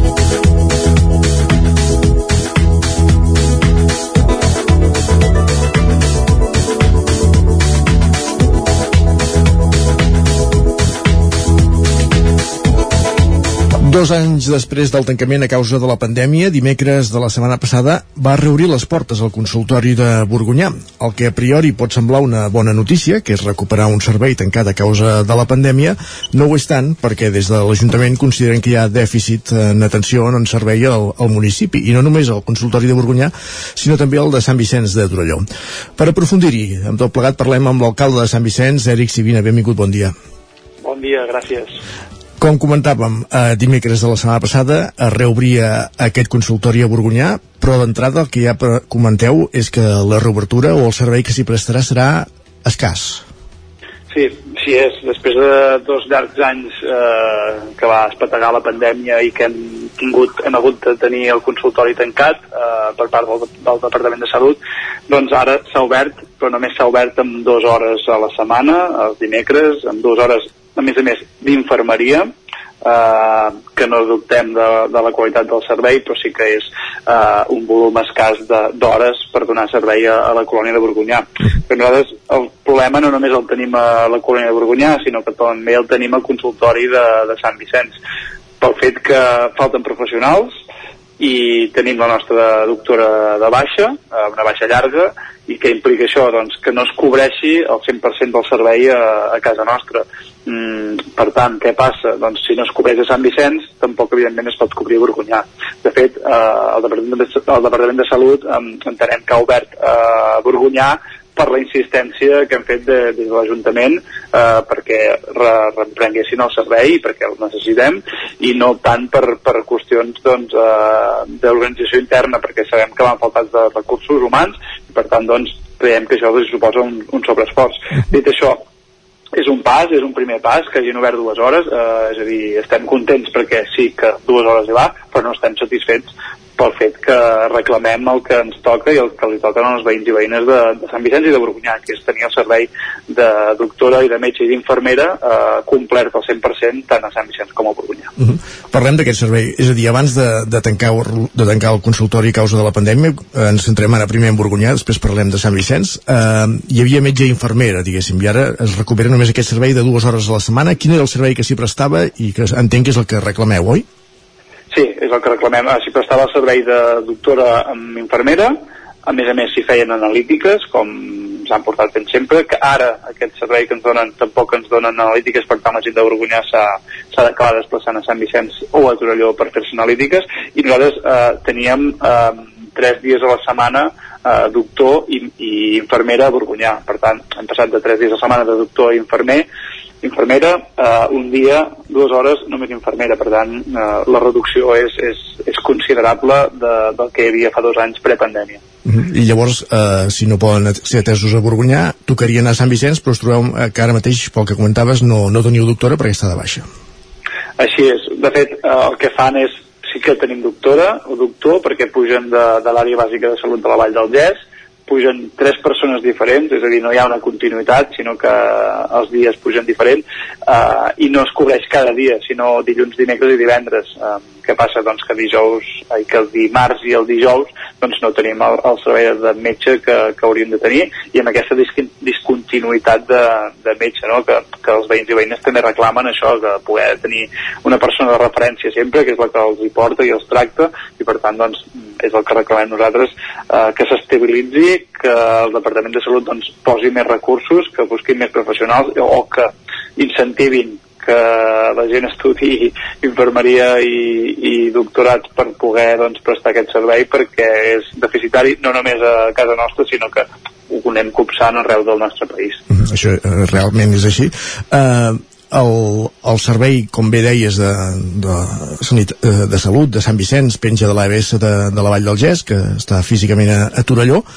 Eh, en el cas del consultori de Sant Vicenç, eh, si la cosa estigués dins la normalitat, el que tindríeu és un servei diari de metge i infermera, també entenc, eh? Així és, així és. O sigui, tindríem a, la mateixa doctora, el doctor, eh, durant tota la setmana que faria les, doncs, les, les funcions i les visites eh, normals. O sigui que és cert que els dies que era Borgunyà doncs, no prestava servei a Sant Vicenç, eh, però ja compensaven amb, aquesta, no, amb aquest anar i venir a, a Borgunyà i Sant Vicenç, que al final ja quedava cobert tot el municipi. I si no, l'alternativa és, com deies, acabar anant al cap de Torelló, però aquí també els serveis també són els que són i dona pel que dona, diguéssim, no? Així és, eh, l'àrea bàsica, a més a més, ara tingut, hem tingut ja la jubilació de, del doctor Font Arnau de Sant Pere, que se suma, no? hi ha aquesta generació que, que es va jubilant ara i que no es poden cobrir perquè falten professionals, per tant eh, ens trobem que mm, una mica no, desemparats en, en aquest sentit a l'àrea bàsica de salut de, de la Vall del Gès, perquè falten professionals i si a més se'n se van jubilant, doncs per tant agreuja més a, a aquest, a aquest problema. De fet, és un, com comentaves abans, ja és un dèficit de, de país, no? diguéssim que, que falten metges. De fet, un, sí. una mica amb aquest argument també fa 4 o 5 anys es va, es va posar en marxa la Facultat de Medicina de la UBIC, també. Sí, és cert, aviam si aconseguir vendre tot, sí que és cert que la Facultat de Medicina de Vic, doncs, el cost que té no, no, no és accessible pràcticament a, a la majoria de la població, però bé, mm, és un recurs més, un recurs perquè la gent es formi i pugui doncs, formar part d'aquesta xarxa de, de salut del nostre país que bé ho necessita.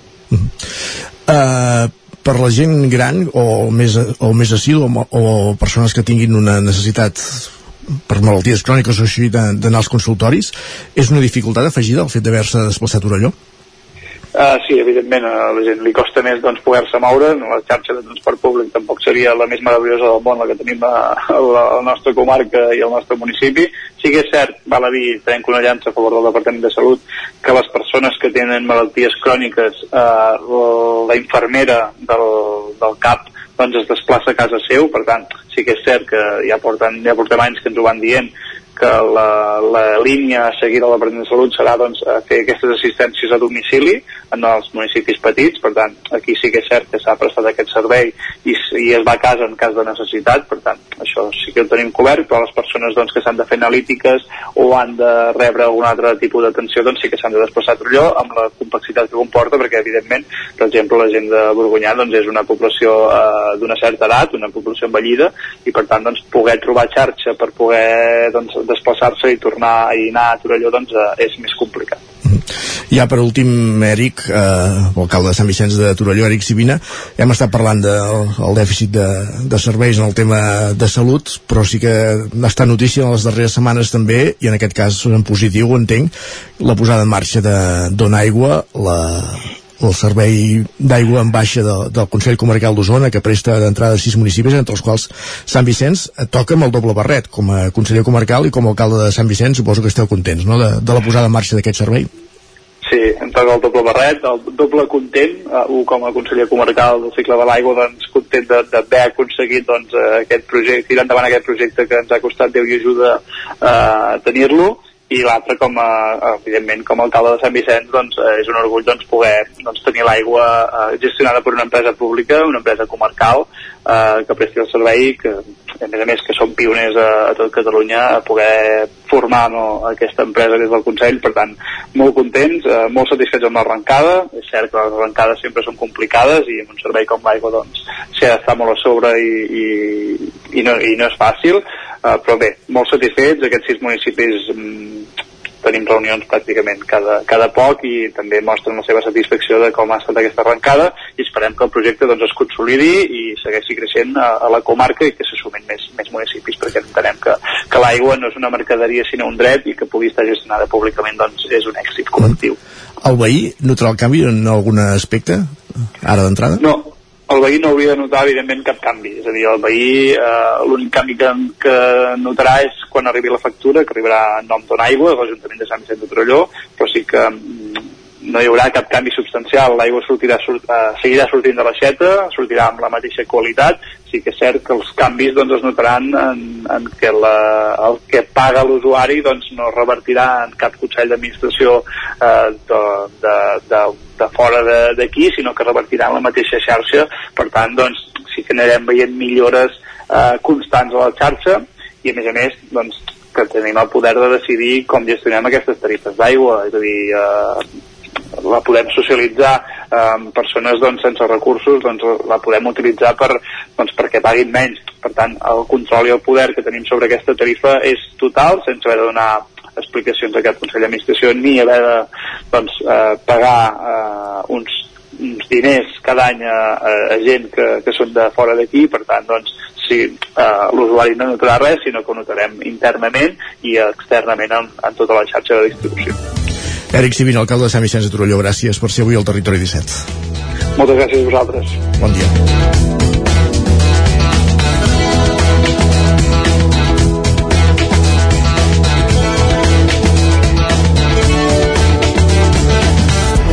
Doncs amb l'alcalde de Sant Vicenç de Torelló que hem analitzat aquests dos aspectes de l'actualitat d'aquest municipi, la situació dels consultoris mèdics i també la posada en marxa d'aquesta nova empresa de servei d'aigua en baixa, on aigua. Arribem a l'equador del territori 17, tot seguit fem una petita pausa i tornem amb la resta de temes que ens queden pendents des d'ara fins a les 12. Començarem per les piulades amb en Guillem Sánchez, que ja el tenim a punt, la taula de redacció i acabarem aquesta segona hora parlant d'energia amb en Gil Salvans de l'Agència de l'Energia d'Osona. Continuem, com dèiem, al territori 17, fem una pausa de res, 3 minutets i tornem a ser aquí amb tots vosaltres. Fins ara mateix.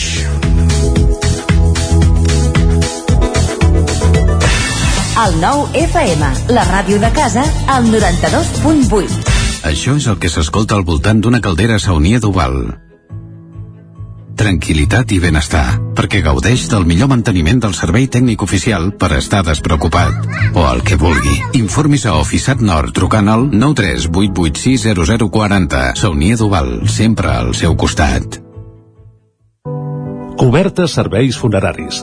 Els nostres tanatoris estan ubicats en els nuclis urbans més poblats de la comarca d'Osona per oferir un millor servei.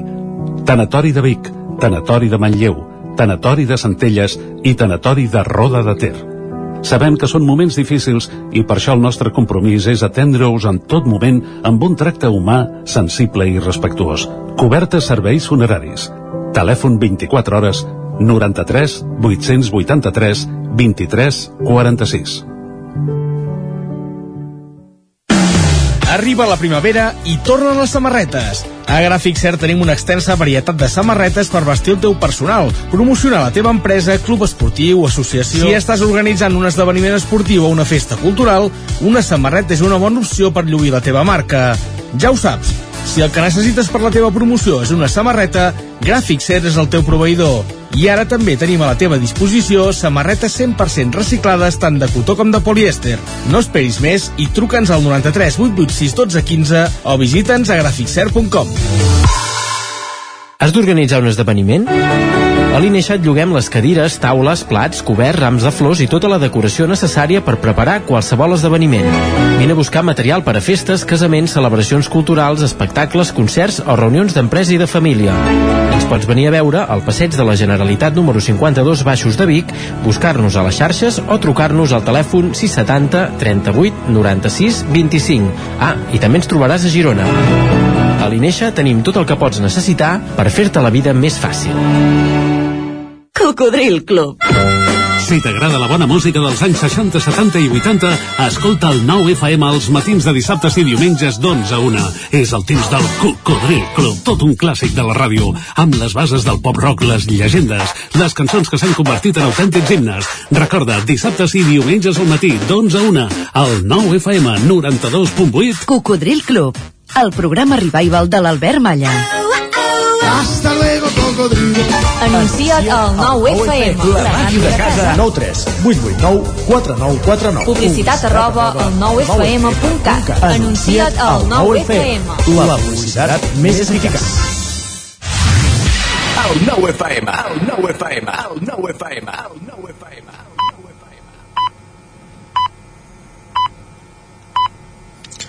En punt dos quarts, doncs, al territori 17.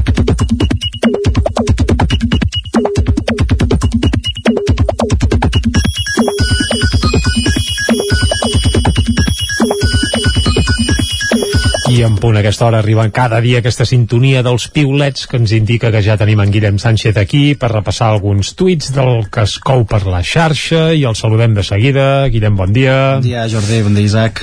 Uh, va, uh, què ens portes avui? Per on ho arrenquem? Quina temàtica predomina avui? anem a, a parlar i resumir el capítol d'ahir de, de Crims, que Oh. va, ja va començar tota aquesta nova temporada de... Sí, ahir va tornar Crims a Televisió de Catalunya amb el cas d'un segrest, eh, d'un infant d'11 anys, Kevin, es deia el xicot. Correcte, doncs ahir el nostre company en Jordi Vilarrodà ja ens avisava abans de començar el programa de la següent manera. Ens deia, tinc una reunió a les 8, començarem dient que s'ha d'anar a la idea perquè a les 10 hi ha crims i tot anirà rodat, ja veureu. Espero que Va, acabis... van començar a les 10 a 10 i 10, eh? Suposo que quan hi ha, bé, quan hi ha molta audiència els anuncis són més generosos i van fer tard. Esperem que en Jordi pogués arribar, doncs, a Segur, l'inici, segur, eh? Segur entre que- el retard amb que, amb què va començar i que ja anava previst, segur que el va veure sencer. Sí, I si no pots fer com jo, en fi, és igual. Jo em vaig a dormir durant l'emissió i com que em vaig perdre el mig, vaig veure al principi i al final, em vaig perdre el mig i el vaig recuperar després a la carta. Bueno, potser vas veure el més important, també s'ha de dir, al principi i al final. Sí, però volia saber coses del mig que no hi perdut. Cal, deixa'm, puc fer I que el tant. sauna falca aquí, per, és a dir, el programa el fan durar una hora, Sí. però és que si anessin al gra, en Sí, 10 hores, minuts sí. ho explicarien, però clar, tants recordatoris, tantes musiquetes, tants plans d'enllaç, tant Mira, no sé què, per aquí jo va- crec que, ostres, uh, ho estiren, que sembla aquí És que... d'aquelles sèries que es podria explicar la història d'una pel·lícula i quedaria bastant més resolt. Mira, per aquí va el tuit de, de Marc que ens resumia Crims és un programa d'humor que va de Mossos utilitzant frases innecessàriament rebuscades per intentar semblar molt més llestos del que són i i, i podríem afegir per omplir més minuts del que faria també, falta també, també, també. És en a algun dir, cas. si allò de treure el gra de la palla s'aplica a crims i, escolta, cada capítol en 10 minuts estaria detallat Sí, i el tant. gra i pim-pam-pum i l'Isaac no s'adormiria veient-lo. Bueno, això no, és- jo no, jo no, jo no, jo no faria aquesta afirmació. Frases com, per, frases com per exemple la, la següent, eh, d'aquestes eh, rebuscades, eh, frases com no va ser possible objectivar la matrícula. Digues, no van poder veure la matrícula i ja està, no val la Sí, pena. la terminologia policial a vegades és...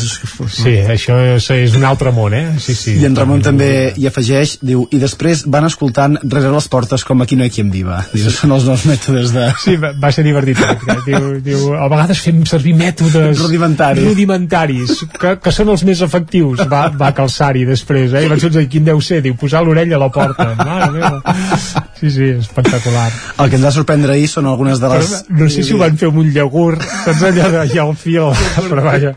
Uh, tant és, tant és. El que hi va sorprendre potser és alguna d'aquestes imatges que es van veure durant el programa, aquests, aquests planos invertits i aquestes coses així una mica rares i estranyes, perquè hi ha molts usuaris que ens deien, diu, tinc el meu pare cap per avall al sofà mirant crims perquè li fa toc el tema de les imatges invertides. Uh, volem innovar i a vegades no sé si ens passem o, o no ens passem. Sí, no sé, jo vaig pensar, potser aquí eh, hi ha una interpretació que al final acaba amb un desenllaç que, no sé, el Segal el van trobar de cap per avall o el que sigui i tindria sentit, però no, no Doncs mira, vaig pas saber trobar el lligam. Eh? Agafant aquest comentari que fas, Jordi, en Roger en resumeix el que va ser el programa d'ahir. Diu, en ser crims ja ens pensàvem que el nen apareixeria mort i el pare estaria involucrat. Però bé, final feliç. Doncs bé, de moment... Ningú va dir que el pare no estigués involucrat. Sí, vés a saber. El pare, aigua clara, no, no ho era pas del tot, eh? Clar, anar apareixent allà els talls des de la presó de Palma, en teoria, uf, una cosa molt, molt curiosa, tot plegat. Però és que, clar, és que aquests, aquests personatges... Donen. Uh, sí, donen, donen. Més, Va, les persones som animals de costums i de modes, sinó que li diguin a la nostra companya i assídua de la secció, la Maria Nicolau, que ens escrivia... Nostra companya, has dit? Sí, Ah, vale. sempre. I ara bueno, traiem... perquè tu, sí. l'has anat a visitar molts cops, I li tu traiem comentaris sempre. Diu, avui he venut gairebé el doble de fondús de les, que, ven, de les que venc habitualment. Fa unes hores he fet un tuit on deia que era com tenir un pit calentó a la boca. Pot ser ben casualitat, però m'agrada pensar que us agrada menjar teta i que no estem tan lluny del món que volem. Alegria. Doncs vinga, alegria i endavant. I en l'àmbit gastronòmic una aportació d'en Joel ens diu la meva addicció al cafè amb gel és digna d'estudi. Sou de cafè amb gel vosaltres? Hosti, sí. Sí, jo a l'hivern no, a l'estiu sí, sí. es posa bé, a vegades, sí, sí. Dir, perquè a vegades no acabo d'entendre si una beguda te l'han de preparar calenta que llavors l'hagis de refredar per poder-te-la prendre no sé si se m'entén, eh, el comentari S'entén sí, perfectament, però si no ja podríem abolir els gelats, per exemple, no? que no deixen de ser batuts congelats, és que, clar, no és, pel, és, és el plaer aquell de refrescar-se. Imagina que ets a l'Índia, 50 graus, 60, o 60, i et diuen, vols un cafè amb gel? És que te'l fotries volant. Clar que els glaçons en 10 segons sí. potser els tindries desfets, eh?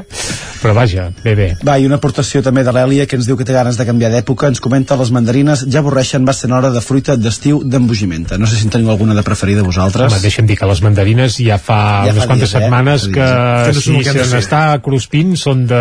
Bé, no són autèntiques, sinó que No són d'aquestes que han passat per càmeres, que han passat per d'allò, perquè ja no és època de mandarines, eh? eh? Jo sóc de mandarina a l'hivern i de préssec a l'estiu, molt. De préssec. Sí. Jo sóc a més de la- síndria, Jo la potser. fruita m'agrada tota, però cadascun també, al seu temps, eh? Això també, és cert. Va, i per acabar una bona reflexió d'en Jaume que ens diu al final semblarà que lo estrany és no tenir el telèfon punxat. No sé si ens heu de confessar alguna cosa, Jordi Isaac, vosaltres, si us han espiat el, el telèfon o no. Jo, jo estic convençut que sí, que me l'han espiat perquè tinc algun bon amic que ha estat espiat en Pegasus i compartim uns quants grups i xats i ja, ja fa temps que, que allà mateix el grup ja fèiem la brometa i posàvem coset... Bé, ho deixo aquí, però, però jo com que si ho ja et ben asseguro que mai, sí. per tant, és igual. Però vaja, i a la gran eh, la tasca, els espies que això, que en teoria ho interferien en aquests grups, doncs ja els hi fotíem cullerada allà, eh? Que I ens ho alguna demanen vegada... directament, que ens ho demanen directament I, i acabarem abans. Però escolta, és que, total, què vols amagar ja? Vull dir, no, vull dir, fet fotut, però vaja, tant és. Això serien figures d'un altre taner. El teu mòbil té Pegasus? Uh, no, que jo sàpiga no, però si, no- si no ho sé i el té, també alegria. Uh, estaria bé tenir un Pegaso al graig, per exemple, per, per, per anar pel món, també, veus? Això seria un altre tema. Va, uh, Guillem, moltes gràcies. Demà més. Isaac, uh, fem un cop d'ull a les portades del Ràpidament, 99.cat. Comencem ara mateix per l'edició d'Osona i el Ripollès, que obre explicant que l'encariment de les matèries primeres ja frena obres públiques a Osona i el Ripollès. També hi apareix que Eloi Palau guanya el Campionat de Catalunya de bici trial en categoria elit. Eloi Palau, que és de Viladrau, oi te lliga i tot, Palau Viladrau. I també perquè el Taradell ja no té opcions de pujar directament a Hockey Lliga i ho vam explicar molt bé aquí a Territori 17 però bé, que no vulgui, que no pugui pujar directament no vol dir que no pugui fer el playoff. Per tant, aquest cap de setmana que ve a guanyar i després a playoff descens um, per pujar això a, a Hockey Lliga. Anem ràpidament a l'edició del Vallès Oriental del 99.cat que ara mateix obre explicant que el cap de la policia local de Granollers absolt d'un delicte d'assetjament laboral. També llargues cues a l'AP7 per un accident a Mollet, això avui mateix, i també un fabricant de material ferroviari opta a reindustrialitzar la planta de bosc a Lliçà damunt. Perfecte, acabat aquest repàs digital, entrem a la taula de redacció.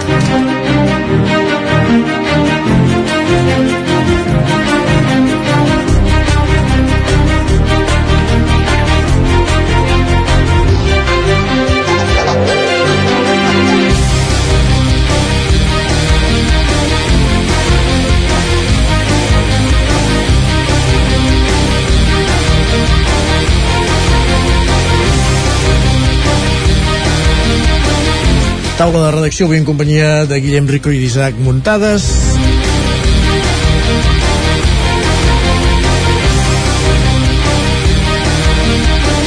Guillem Rico, bon dia.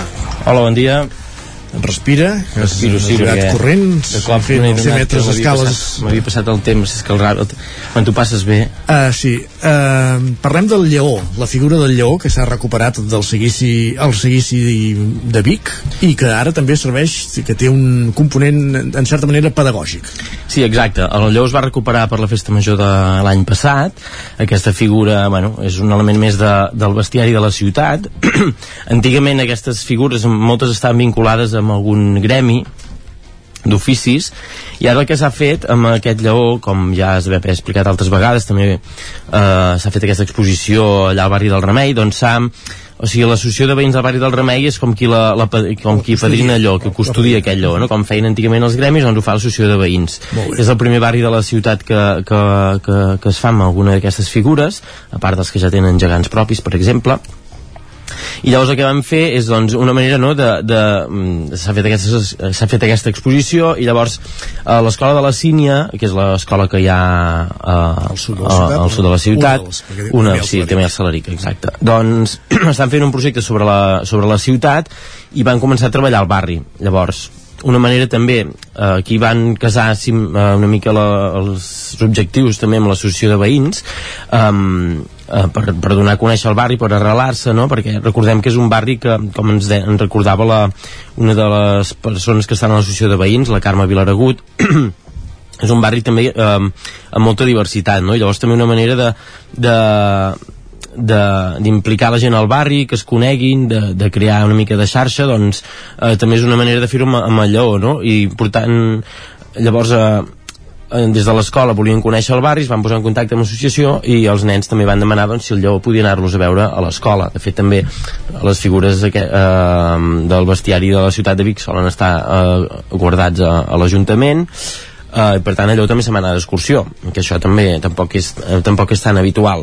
llavors els nens amb aquest treball previ doncs van anar treballant al barri, van conèixer la història, van conèixer la figura de lleó, ells van construir uns petits lleons amb cartró, eh, amb, amb cartró, amb, amb llana, amb diferents... Bé, amb, fets per nens, vaja. Uh -huh. uh, també van aprendre la dansa i llavors a finals de la setmana passada, el dijous, uh, el Lleó va anar a l'escola de la Sínia perquè els nens el coneguessin, perquè el veiessin, perquè aprenguessin com es balla, van fer el ball, primer va ballar el Lleó, després van ballar els nens també amb aquests petits lleons i els nens que portaven les cares uh, pintades de lleons i eren els nens, són els nens de primer, uh, hi ha dos grups de primer a l'escola de la Sínia, doncs els dos grups de primer són els que van els que van fer això i llavors també van veure la figura, van veure els balls els van fer davant tota l'escola, eh? però llavors els nens van poder entrar sota allò, veure com estava fet, com el portaven, van parlar amb els portadors, van saber que pesa 50 quilos, una mica com s'ha de fer, perquè, clar, eh, la, la peculiaritat d'aquestes figures és que, a diferència dels gegants, hi ha dues persones a sota.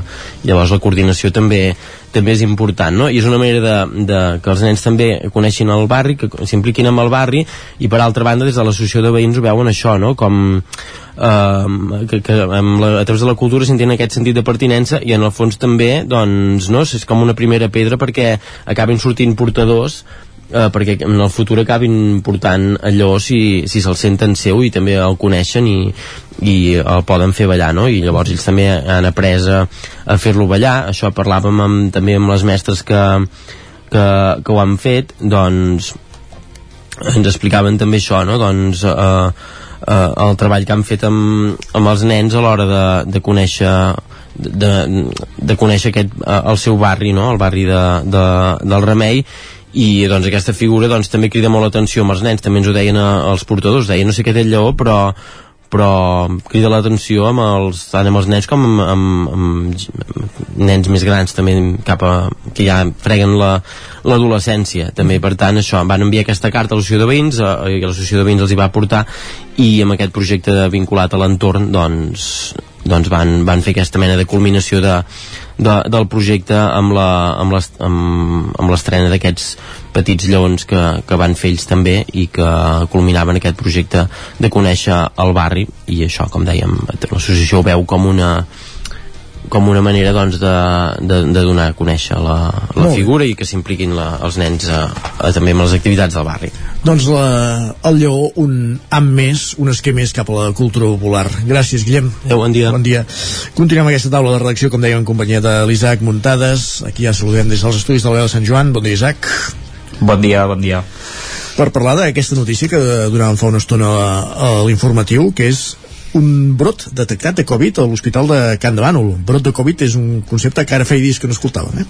Que no sentim. Sí, exacte. De, de fet, ara, clar, aviam, no és un brot excessivament gros, són uh, exactament doncs, 11, 11 pacients i un treballador, però sí que feia temps que no, que no el sentíem i sí que uh, aquest brot el que ha derivat és que des de l'hospital, des de la direcció de l'hospital, doncs s'hagi uh, prohibit les visites uh, als pacients ingressats a la segona planta, doncs perquè uh, amb aquest brot detectat el que no vol és que es vagi expandint, va ser un brot que es va detectar uh, aquest passat cap de setmana, això va ser més o menys la nit de dissabte a diumenge que es va començar doncs, a fer una mica d'equilibratges i per sort uh, de moment uh, no hem de reportar cap persona que tingui símptomes greus, la majoria tenen símptomes lleus, uh, febrícula i, i una mica de malestar general, però no, no ha anat a més. Uh, en principi el que va dir el, el, el gerent del centre hospitalari Joan Granés que esperen que, que pràcticament doncs, en una setmana, si no apareixen més casos, doncs es pugui tornar a la normalitat, és a dir, que ja es puguin tornar a, a fer visites en aquesta planta de l'hospital, que és una zona també on hi ha gent doncs, eh, per exemple, que tenen el, el fèmur trencat o, o estan doncs, passant alguns dies temporalment a l'hospital i, i res, bàsicament espera doncs, que això en una setmana es pugui tornar a la normalitat i es puguin tornar a fer les visites. A la resta de l'hospital sí que les visites es poden fer amb normalitat, eh, en principi només s'haurà de dur la mascareta de forma obligatòria, eh, aquest és bàsicament l'únic eh, requisit. I sí que Graner va deixar clar que el brot el, el que creuen és que ve de, de fora que, que l'ha portat segurament alguna persona que visita perquè uh, ell sí que assegura que tot i que en teoria és obligatori portar la mascareta, doncs qui no et diu que quan alguna persona està visitant un pacient al, dins de la seva habitació no se la treu un moment no? i això pugui uh, haver derivat amb, amb tot plegat uh -huh. uh, amb aquest brot i, i bàsicament seria això també diu Graner que, que s'ha relaxat una mica la situació que evidentment la gent sí, ja no hi veu tant de perill sentit molt crític, eh, amb els talls de veu abans amb aquest, amb aquest aspecte no? de, de, ens hem deixat anar molt potser, segurament no? Sí, ell, ell pensa que no que està bé que s'hagi pres la mesura de la mascareta, no? Això sí que ens, ens ho ha explicat alguna vegada, que, no, que evidentment no no és ningú per dir-ho, però sí que la gent, doncs, evidentment, en determinades situacions sí que estaria bé que la, que la portés per responsabilitat, sobretot quan està en zones doncs, molt concorregudes, uh, però bé, una mica això, eh, sent crític de que sembla que la malaltia hagi desaparegut i, i ell afirma que, que no és així, però que s'hi ha de conviure i normalitzar-la. Ha dit que ara és com una grip, uh, bàsicament l'hem pogut sentir que ens deia això i que, i que hi hem d'aprendre a conviure. Vull dir que si ens trobem malament quedant a casa però si ens trobem bé i tenim la Covid, doncs en principi no hi hauria problemes per, per sortir però anant, anant amb compte, evidentment. No, evidentment. Eh, quan parlem de brot, el nombre de casos que, que hi ha? Em sembla que són 5 casos que es considera un, brot. Eh, abans no sé si eren 3 eh, després es va passar 5 però sí que, que podríem considerar-ho a partir d'aquesta xifra. Perfecte Isaac, moltíssimes gràcies. A vosaltres, adeu Avancem al territori 17 i ara el que fem és parlar d'energia, de, de preus, de topalls, tot amb en Gil Salvans, de l'Agència de l'Energia d'Osona.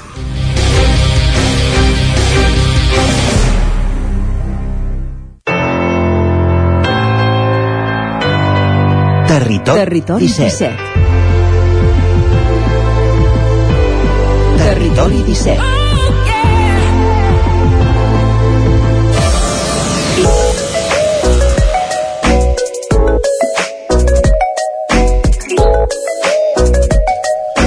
Dos minuts perquè siguin les 11 i el territori 17, com cada dimarts a aquesta hora eh, parlem, toquem aspectes relacionats amb el medi ambient, amb la natura, amb l'energia, també, perquè un cop al mes ens visiten Gil Salvans, tècnic de l'Agència de l'Energia d'Osona, com, com és el cas d'avui. Gil, bon dia, benvingut. Bon dia, Isaac. Com estem? Sí.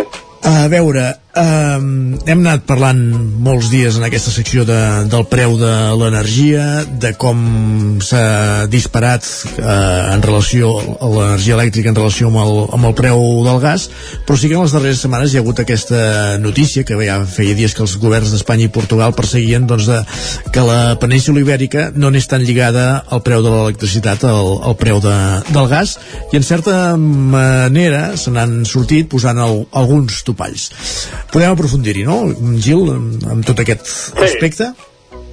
Podem aprofundir-hi, tot i que estem pendents de, de, de, del Consell de Ministres, que sembla ser que al final no serà el Consell de Ministres d'aquesta setmana, sinó que el de la setmana que ve, uh mhm. -huh. que aprovarà la lletra petita d'aquesta regulació. Sí. Però sí que, és, sí que és veritat que ja tenim o com a mínim s'ha confirmat que durant 12 mesos, eh, només, no, no és de per sempre, sinó que durant, semblava 6 mesos, al final han pogut negociar 12 mesos, durant 12 mesos eh, l'entrada del gas en, el, en la subhasta elèctrica tindrà un topall de fins a 50 euros eh, de màxim de 50 euros megawatt això, això és una, ah, això és una dada important, eh? és a dir, el gas s'ha multiplicat per 5 el seu preu l'últim any, vull dir que l'electricitat ha pujat però el gas ha pujat més i per tant eh, al tenir un sistema de cassació que es diu de, de mercat elèctric, que, o sigui que l'últim que posa el preu, marca el preu per totes per totes les fonts energètiques, uh mhm. -huh. això ha fet que veiessin preus desorbitadíssims, arribant a 400 euros megawatt en alguns moments punta, i que, per exemple, a França han arribat a arribar a 2.000 euros megawatt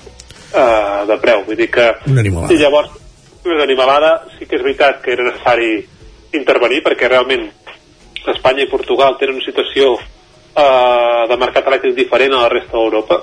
Cada país té la seva dicotomia, eh? perquè França també té un, un, un sistema especialitzat en molta nuclear que amb molts problemes aquest any, tenen uh mhm. -huh. molt parc nuclear parat i diuen que algun potser no es podrà tornar a engegar, però sí que és veritat que tots aquests tenen un reforç de gas natural molt important, Alemanya és un dels grans exponents d'aquest tema, i en canvi a, a Espanya i a Portugal el gas té un poder molt petit, però aquest poder petit ens marcava molt el preu, i per tant aquí el que s'ha fet és eh, limitar això durant 12 mesos per intentar que com a mínim el preu a Espanya no estigui mm, pels núvols. No vol dir que no sigui alt, eh? És a dir, És, eh, estem parlant estem parlant de que aquest preu, eh, aquest topall de 50 euros megawatt, això repercutit al preu de l'energia elèctrica vol dir que ens mourem a 150-160 euros megawatt hora el preu de tancament. Però hem superat els 300 amb escreix en els últims mesos, de fet, eh? Sí, hem superat els 300 amb escreix, però veníem que els últims 12 anys la mitjana eren 40. Déu-n'hi-do, 40, sí, sí. 40 i pico i no s'arribava als 50 quasi mai. Per tant, eh, se'ns duplicarà la factura, o sigui, tot i topar topall, tot i posar topalls, tot i que eh, ho limitem i per tant s'intervingui en aquest mercat, estem parlant que segurament la factura elèctrica ens quedarà el doble del que veníem coneixent fins ara. déu nhi La factura elèctrica, la del gas ja no parlem, perquè també aquesta, aquí sí que no hi haurà, regula, no hi haurà to- topall, per entendre'ns. Aquí no hi ha topall. El topall aquest que s'ha posat a dia d'avui és eh, per, la, per definir el preu de l'energia elèctrica, no pel preu del gas. El gas té un preu pels núvols, eh, el que ha passat a més a més aquesta setmana, eh, amb tot el tema de, que, de Romania, etc encara pot ser que vagi pujant una mica més, i per tant, eh, eh, en el cas de subministraments de gas, aquí no s'ha ficat un topall, aquí el gas estarà pels núvols, i per tant, com sempre insisteixo, eh, eh, hem de fer la transició energètica, anem massa tard, és a dir, és, ahir sentia les notícies que els governs estan parlant de que s'ha de fer una compra, una compra de gas i acumulació, s'haurà de tornar, s'haurà de s'estava limitant quan petroli es podia consumir per calefacció a Europa i quan carbó, i sembla que es volen fer excepcions perquè durant dos o tres anys es pugui ampliar aquesta crema de combustibles. És una, una bestiesa que davant d'un canvi climàtic galopant, on veiem unes, unes temperatures extremes a la Índia, eh, etc encara eh, haguem, com que no hem fet la feina, ens haurem de plantejar continuar cremant combustibles fòssils. Per tant, no ens queda cap altre remei que impulsar la transició energètica, impulsar les energies renovables, des del petit projecte fins al macroprojecte, però sense fre i sense distreure'ns. Aquí està la qüestió, perquè és això, no s'han fet els deures, eh, tal com està el panorama internacional, el context internacional, amb la guerra d'Ucraïna, eh, en Putin amenaçant cada dia de tallar l'aixeta del gas a- al vell continent, eh, hi ha països que no en depenem tant, de Rússia, que depenem més de, del gas algerià, però clar, llavors aquí també ja hi juga l'estratègia amb, el, eh, amb els governs d'Algèria i el Marroc, però vaja, que, que la situació del gas no és per tirar coets mm, tot apunta que es que s'agerà en els propers mesos en aquest sentit i per tant eh, cal accelerar la transició energètica però també és veritat que amb el tema de la crisi de matèries primeres i, i la falta de, de mà d'obra cada cop costa més, expliquen també no? de, de trobar instal·ladors per, la, per, per exemple per plaques fotovoltaiques Sí, sí, sí, és a dir, aquí tenim un... Bueno, tenim una, una, una tempesta perfecta, eh? és a dir, no hem fet la feina i ara que la volem fer s'ha generat una psicogènesis de, de materials, problemes a la Xina, transport, eh, el combustible pels núvols, perquè parlem molt del gas, eh? i realment el gas és el que s'ha disparat, però és que el barril de Brent està per sobre dels 105 euros eh, el dòlar, eh? I, i això quan normalment els pressupostos, l'altre dia llegia que els pressupostos estatals d'Espanya estan calculats amb una base de que el barril es mogui entre 60 i 70. Per tant, la majoria de pressupostos que estan fets aquest any, abans d'acabar l'any estaran eh, esgotadíssims i veurem com, com s'arriba a final, a final d'any.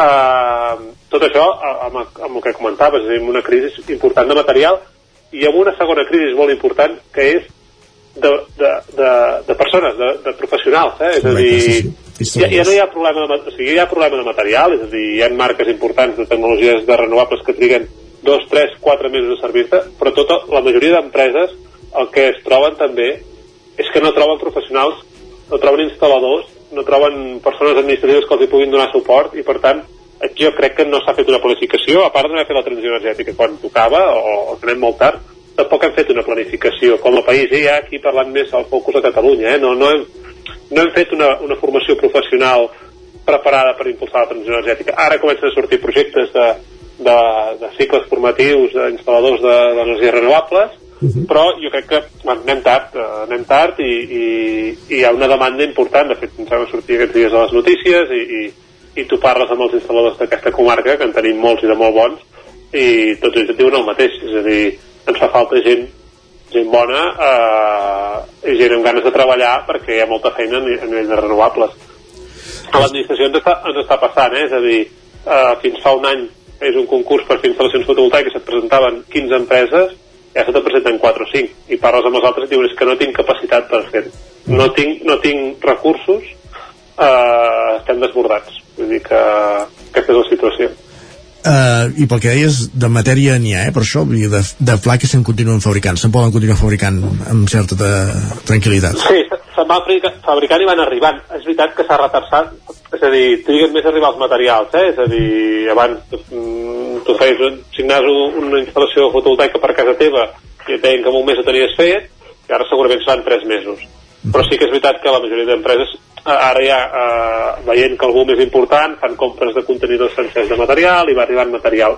Va arribar un comptagotes, falta veure eh, l'embús que actualment hi ha als ports de Xina com ens afecta, que normalment afecta de forma retardada, eh? per tant aquí dues, tres setmanes que passa, però en principi eh, hi van haver material i sembla que, que, que es pot anar instal·lant renovables. I de fet hem d'anar reinstal·lant-hi moltes. Molt bé, està claríssim. Eh, la setmana i el mes passat parlàvem de les comunitats energètiques que, de fet, eh, s'han desbordat les previsions. Es preveia que en el primer any es creés es constituïssin una desena de comunitats energètiques. Eh, ja n'hi ha gairebé una vintena no constituïdes, però sí que o constituïdes o en tràmit. Per tant, eh, la, la feina administrativa s'està fent eh, acceleradament. El que tornem al que comentàvem ara, el que costarà més serà poder fer tot el que és la, la part executiva, no? de posar en funcionament aquestes, aquestes comunitats energètiques, de poder eh, satisfer les cobertes que s'han ofert, diguéssim, per, per instal·lar eh, les plaques fotovoltaiques i, i anar avançant no? en aquesta transició energètica. Jo, crec, jo crec que el, el que costarà és fer-ho en el temps que s'hauria de fer. És a dir, ho anirem fent, aquestes 20 comunitats, que ja serà, esperem que siguin més, però, però sobretot aquestes 20 i pocs que estem treballant ara mateix, eh, totes ja tenen el seu projecte inicial, els seus projectes inicials, el cas és un, el cas són dos o tres, eh, però sí que és veritat que ens agradaria, quan tu animes a 50, 60, 70 socis d'una cooperativa, de la comunitat energètica, els dius, va, anem a fer aquest autoconsum compartit, voldries que en dos tres mesos això fos una realitat, eh? és a dir, les persones eh, intentem voler les coses ja, eh, hem acostumat a viure per demà, eh? el que és ser per demà, avui, avui. Uh -huh. uh, I en canvi, en aquests processos, per tot això que estem dient, eh? el material no arriba tan ràpid, uh, no hi ha instal·ladors, uh, no hi ha suficientment instal·ladors uh, i gent treballant-hi, també hi ha tot un tema de burocràcia aquí darrere, de papers, i sobretot les distribuïdores elèctriques no estan posant les coses fàcils, i per tant fan que aquests projectes que voldríem fer-los en 3 mesos segurament trigarem 6, 8, 10 mesos a, a veure'ls la realitat i a veure com la nostra factura ja se'ns hi descompten aquells bats d'aquella energia produïda en les plaques situades a menys de 500 metres de casa nostra. Molt bé. Uh, comentàvem això, l'escassetat també de professionals, diguéssim, d'instal·ladors. És una feina molt específica o, o és fàcil reciclar gent, eh, treballadors d'altres sectors, diguéssim, perquè puguin dedicar-se a aquest, uh, aquest sector en auge, per entendre'ns? Jo, jo crec que és fàcil. Jo crec que és fàcil. Jo crec que hi ha línies ara de, de reorientació i de, i de d'educació professional i de, i de formació professional en aquest sentit eh, dels gremis instal·ladors doncs no tenim l'AICO, el gremi d'instal·ladors que està fent cursos eh, en aquest sentit. I jo crec que és, no, és, no és una gran tecnologia no cal, jo crec que és, és fàcil que molta gent es pugui re, reorientar i, i centrar-se en, en, en, aquest, en aquest sector que, és, que té un auge molt important ara però que no ha de ser només ara. Vull dir, la transició energètica malauradament no la farem en un o dos anys. Vull dir que venen uns quants anys de transició energètica potent i per tant és un sector que es consolidarà durant forces anys. De fet, serà la nostra font, hauria de ser la nostra font d'energia de, del present i del futur, per tant, és, arriba per quedar-se, vull dir que això està claríssim. Ah, sí, sí, sí, sí, vull dir que no, no, no és allò de dir ara estem en una situació del gas, no, no, és que hem de canviar tots els nostres hàbits, eh, el 90% d'aquesta dependència que té Catalunya de combustibles fòssils i de l'exterior s'ha de, re, de reorientar i en un període llarg de temps, malauradament, eh, haurem, de ser, haurem de caminar cap a l'autosuficiència i 100% renovable. I si arribem a aquest destí, és lògic, eh, tindria la seva lògica no haver de pensar en... se- Segurament tindrem altres maldecaps, eh, no? Però eh, aquest de, dels increments desbocats del preu de l'energia i els topalls i això que, que hem tractat avui a l'inici de la secció no hauria de ser una preocupació. Com bé deia, Sí, sí, com bé deia Gil, però el que cal és eh, accelerar aquesta transició energètica i no adormir-la com eh, des d'algun sector sembla que, que s'intenta. Gràcies per ser una setmana més amb nosaltres al Territori 17. a vosaltres, Jacep. Bon dia. Merci, bon dia. I ara passa mig minut de les 11 i el que fem tot seguit al Territori 17 és posar-nos al dia amb les notícies més destacades de les nostres comarques. Territori 17, amb Isaac Moreno i Jordi Sunyer.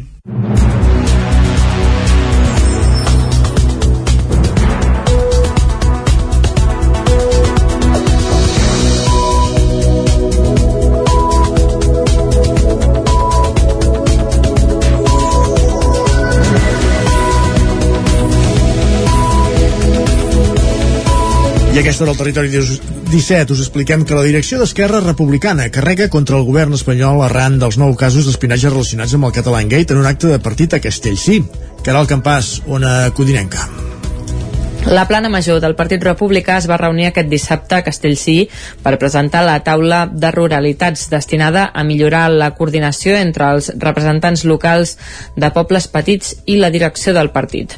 Durant la jornada, la secretària general d'Esquerra, Marta Vilalta, va aprofitar per comentar les últimes notícies de diferents mitjans de comunicació en què s'eleva fins a 150 el nombre de persones possiblement espiades amb el programa Pegasus que pot, l'abast pot ser molt més gran perquè hi ha dispositius que no s'han pogut analitzar, perquè en funció de, de quines aplicacions no s'ha pogut demostrar, però per tant la magnitud pot ser molt gran. No només això, i és més, en aquestes 65 persones hi, hi trobem els presidents de la Generalitat, els últims quatre presidents de la Generalitat, els presidents del, del Parlament, moltíssimes persones que representen la ciutadania, per tant, és un atac també a les institucions pròpies del país. D'aquí que en el fons sigui un atac a tota la ciutadania. Vilalta també va carregar contra el Partit Socialista, tant per la reacció al Catalan Gate al capdavant del govern espanyol com la reacció dels líders del Partit Socialista a Catalunya. Doncs el que hauria de fer un govern compromès amb els drets més fonamentals i amb la democràcia és anar fins al final, investigar, eh, esclarir tota la informació, ser absolutament transparents. Eh, aquí a Catalunya el Partit dels Socialistes, el PSC, també creiem que fa un paperot no fent, no tenint aquesta actitud valenta i ambiciosa de demanar també responsabilitats i que s'aclareixin els fets i demanant doncs la investigació necessària i la informació suficient. A més de Marta Vilalta, altres membres destacats del partit es van acostar a la jornada celebrada a Castellcí aquest dissabte com Raül Romeva o els diputats del Congrés Joan Capdevila i Inés Granollers. Més qüestions, gràcies, Caral. L'aigua freda votarà el proper 29 de maig si passa a ser d'Osona o continua al Vallès Oriental. El 29 de maig és el dia fixat per l'Ajuntament d'Aigua Freda perquè els veïns majors de 16 anys es pronunciïn sobre si el municipi ha de continuar formant part del Vallès Oriental o es demana a la Generalitat i al Parlament l'adscripció a la comarca d'Osona, de la qual ja havien format part fins l'any 1936. En un comunicat, l'Ajuntament ha anunciat una jornada de participació ciutadana per demanar l'opinió dels veïns i no parlen de referèndum referèndum en cap dels documents oficials perquè la llei de consultes aprovada pel Parlament està reconeguda al Tribunal Constitucional. Les votacions es faran de manera presencial i telemàtica, seguint el model que ja s'ha utilitzat els darrers dos anys per fer els pressupostos participatius. En aquesta ocasió, però, només es votarà un dia, i serà entre les 9 del matí i les 8 del vespre. A les paperetes, els veïns hi trobaran una pregunta com aquesta. A quina comarca volen que pertanyi el municipi d'Aigua Freda? I dues possibles respostes, Vallès Oriental Oriental i Osona. Els resultats no es coneixeran fins al dimarts següent, dia 31, perquè caldrà comprovar els vots telemàtics i assegurar que no hi hagi duplicitats amb els presencials o vots de persones no empadronades. La idea és que el resultat sigui vinculant. Aquesta no serà la primera consulta sobre l'adscripció comarcal d'Aigua Freda. Al setembre de 1987 ja se'n va fer una on es va demanar als veïns si volien continuar al Vallès i aleshores el 91% dels vots van ser favorables a no canviar de comarca. En aquella decisió, però, hi va pesar molt l'oferta sanitària, ja que Vic encara no tenia el nou hospital, mentre que Granollers acabava d'estrenar un equipament més nou i modern. L'organització del primer Congrés Feminista i LGTBI d'Osona, celebrat dissabte a les Masies de Voltregà, considera que va ser tot un èxit. Durant tot el dia es van fer taules rodones per tractar temes com el gènere i la diversitat sexual o la pressió estètica. L'objectiu era visibilitzar la feina que fan molts col·lectius. Dissabte es va celebrar el primer Congrés Feminista i LGTBI d'Osona i va ser a les Masies de Voltregà. La iniciativa, impulsada per la regidora de Som Voltregà i membre d'Esquerra Republicana Montse Mas, tenia com a objectiu visibilitzar les tasques que fan molts col·lectius en aquest àmbit. L'escoltem. El nostre objectiu era que fos molt transversal i volíem fer, ja que no s'ha fet mai aquí la comarca d'Osona, volíem ajuntar el que són dones polítiques i barrejar-ho amb tots els col·lectius feministes i grups de suport. Eh, podem dir ja que s'ha acabat l'acte, que ha estat tot un èxit, de molta participació, només podem dir coses positives perquè la veritat ha anat molt bé eh, i veiem que és un acte que fa molta falta. Des d'aquí que sí que vam fer la crida que era un acte mixta han vingut pocs homes però sí que aquests homes eh, ens ha fet molta il·lusió per això, perquè han estat uns homes valents no els hi fa por parlar de feminisme no els hi ha fet por venir a escoltar i realment és que queda més que clar que el feminisme eh, va bé per tothom, per homes, per dones, per tothom. Al Congrés hi van participar dones vinculades en política d'Esquerra Republicana i la CUP, associacions com les Violetes, el grup feminista del Voltreganès i altres col·lectius trans o entitats com ara 8.000 motius. La jornada va començar a les 10 del matí als jardins del Despujol i va acabar sota cobert per la pluja al vespre amb la presència de la consellera d'Igualtats i Feminismes, Tània Verge. L'escoltem. Són molt importants els congressos, els espais de trobada feminista perquè posen de relleu que els feminismes parlen de tot, que els feminismes parlen de vida, que els feminismes parlen de la vida més quotidiana, de guerra, de racisme, de cossos, de pressió estètica, de condicions materials. Hi ha propostes feministes per a tots els temes, a tots els àmbits, i s'ha de fer aquest treball conjunt amb les institucions per poder traduir tota aquesta força que tenen els moviments socials al carrer en polítiques públiques concretes. Durant tot el dia es van fer set taules rodones que van tractar diferents temes com la justícia feminista, el gènere i la diversitat sexual o la pressió estètica. I anem cap al Ripollès perquè Josep Puig és nomenat nou director general de Conforça en substitució de Reca Vidiella.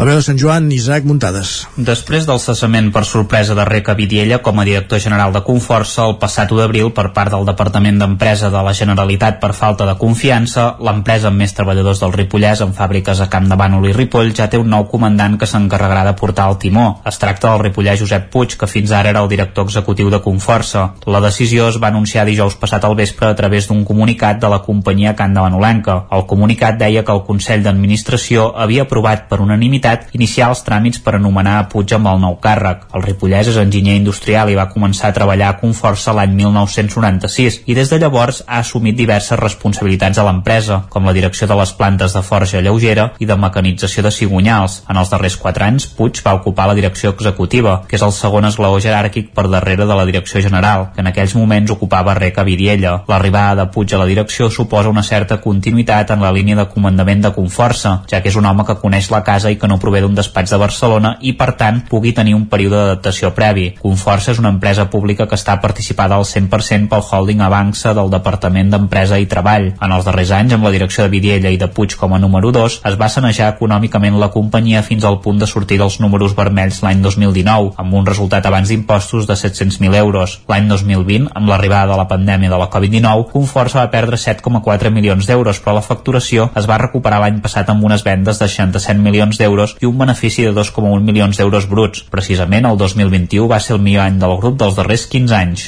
I obrim ara la pàgina cultural, gràcies Isaac. Entre el 23 d'abril, dia de Sant Jordi, i el 29 d'abril, dia internacional de la dansa, l'Associació d'Artistes Performatius de Cardedeu, les Arts, ha organitzat la Poda, una acció que uneix la poesia i la dansa.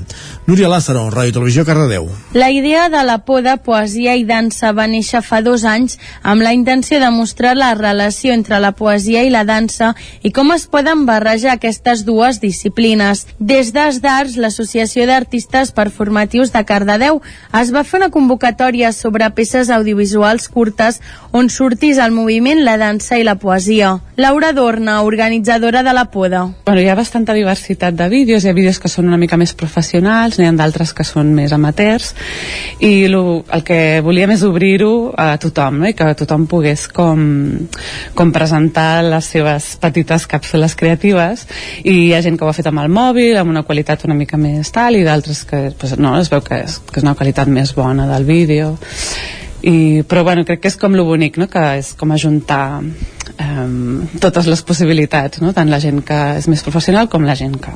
Ara l'Associació d'Estats està preparant ja l'Eix Festival, un festival de dansa d'improvisació que tindrà lloc a Cardedeu de l'1 al 7 d'agost. Més qüestions, 20 anys després de l'estrena L'Oda a Verdaguer de Salvador Brutons, dirigida pel mateix autor, ha tornat a Vic. L'obra es va estrenar el 2002 i era un encàrrec de l'Ajuntament de Vic amb motiu de l'any Verdaguer. Per celebrar el desè aniversari de l'Atlàntida fa dos anys s'havia programat de nou, però la pandèmia va fer impossible el concert. Aquest diumenge, finalment, 200 persones, entre cantants i músics, sí que la van interpretar de nou a l'escenari de la sala Ramon Muntanyà. L'Orquestra de Cambra de Vic, juntament amb els cors del Conservatori de l'Escola de Música Bigatana, la Coral Carmina, la Coral Canigó, el baríton solista Josep Ramon Oliver i més gent encara que es va afegir precisament al grup coral van tornar a interpretar aquest diumenge a l'Atlàntida de Vic l'Oda a Verdaguer, una peça en homenatge al poeta de Folgueroles escrita per Salvador Brutons. Escoltem a Montse Catllà, que és la directora general de la Fundació L'Atlàntida de Vic. Doncs molt satisfets de poder recuperar aquesta obra que ara fa 20 anys es va estrenar. L'havíem de recuperar pel desè aniversari, però finalment amb el tema de la pandèmia l'hem posposada i s'escau ara en el 20è aniversari de la seva estrena. Llavors destacar-ne per una banda que és una producció pròpia de l'Atlàntida feta amb molts agents de proximitat. També valorem molt que aquesta producció sintonitza molt bé amb un dels eixos ideològics de l'Atlàntida, que és la catalanitat. Escoltem ara Salvador Brutons, director i autor també de l'obra, parlant de l'objectiu que té l'Oda a Verdaguer. Dibuixar una mica la seva vida des de la seva infantesa, des de la seva creixença com a poeta i el, el, moment esplèndid que va tenir amb l'Atlàntida i el Canigó i després les seves crisis, perquè va tenir una crisi molt forta, no?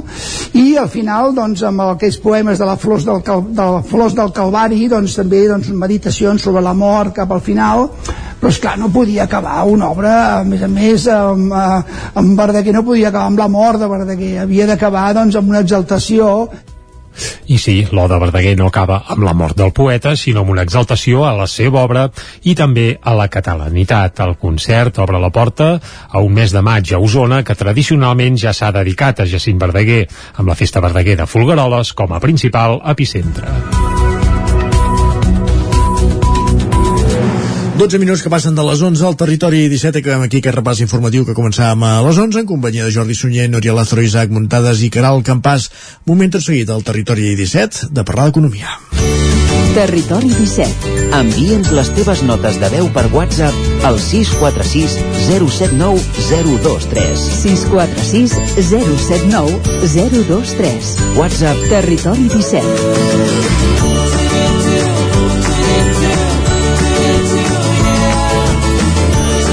Territori 17. Som a Facebook, Twitter i Instagram amb l'usuari Territori 17.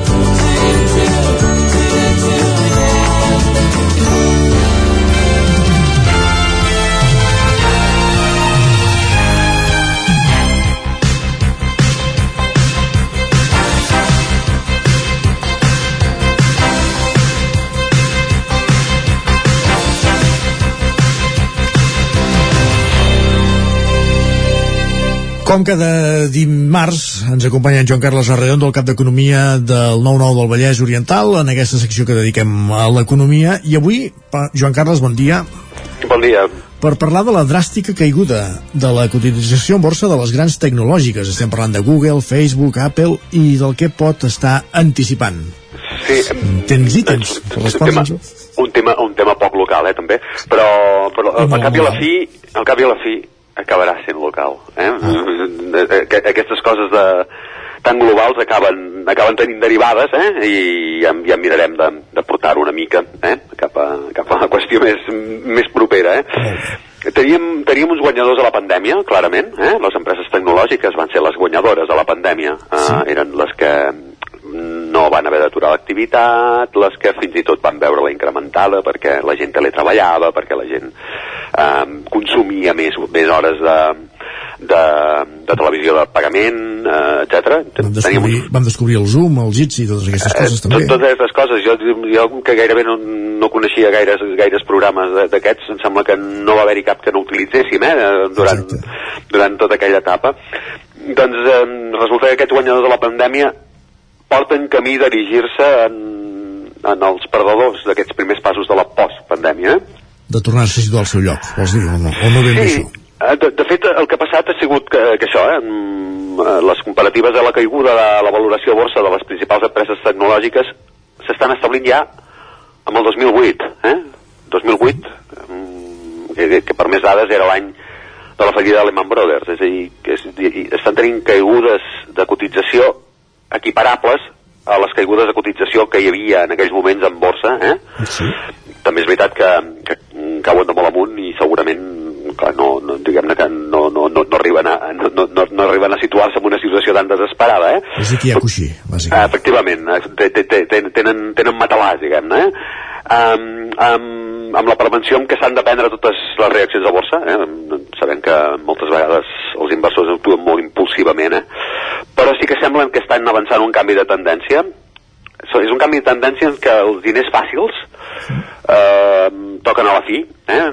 perquè tenim, diguem-ne, que un increment de tipus d'interès trucant a la porta. Després explicarem per què. Eh, eh, els canvis de tipus d'interès eh, afecten eh, a aquestes empreses. Tenim uns temors dels inversors que han portat a les grans empreses tecnològiques allò que abans es coneixia com a GAFAM. Eh? GAFAM és Google, Amazon, Facebook, Apple, Mi Microsoft. Eh? Sí. Mm, GAFAM. Ara s'hauria de dir MAMA, mm, perquè mm, Google es diu Alphabet i Facebook es, es diu Meta. Eh? Però I Twitter es dirà Elon Musk. Eh, I, i Twi- sí, Twitter no, no formava part d'aquests perquè Twitter sempre ha tingut una posició a borsa una mica controvertida eh? eh de fet fa, fa l'efecte que, que qui més se'l creu sigui, sigui l'Elon Musk però Twitter eh, ara potser estic donant una dada errònia i no voldria que es prengués com a com a completament certa però jo diria que no ha donat mai beneficis. Eh, eh, pot donar influència pot donar però no, no, no és precisament una empresa d'aquestes que, que sigui molt atractiva per als beneficis que donen. És més una qüestió d'expectatives. Doncs eh, totes aquestes el, el GAFAM o MAMA eh, diguem-ne eh, han, han tingut una reducció de capitalització de, per valor de tre- 750.000 milions d'euros en un sol mes eh, del que valien eh, al principi de mes el que valien a final d'abril 750.000 milions d'euros menys. Carai.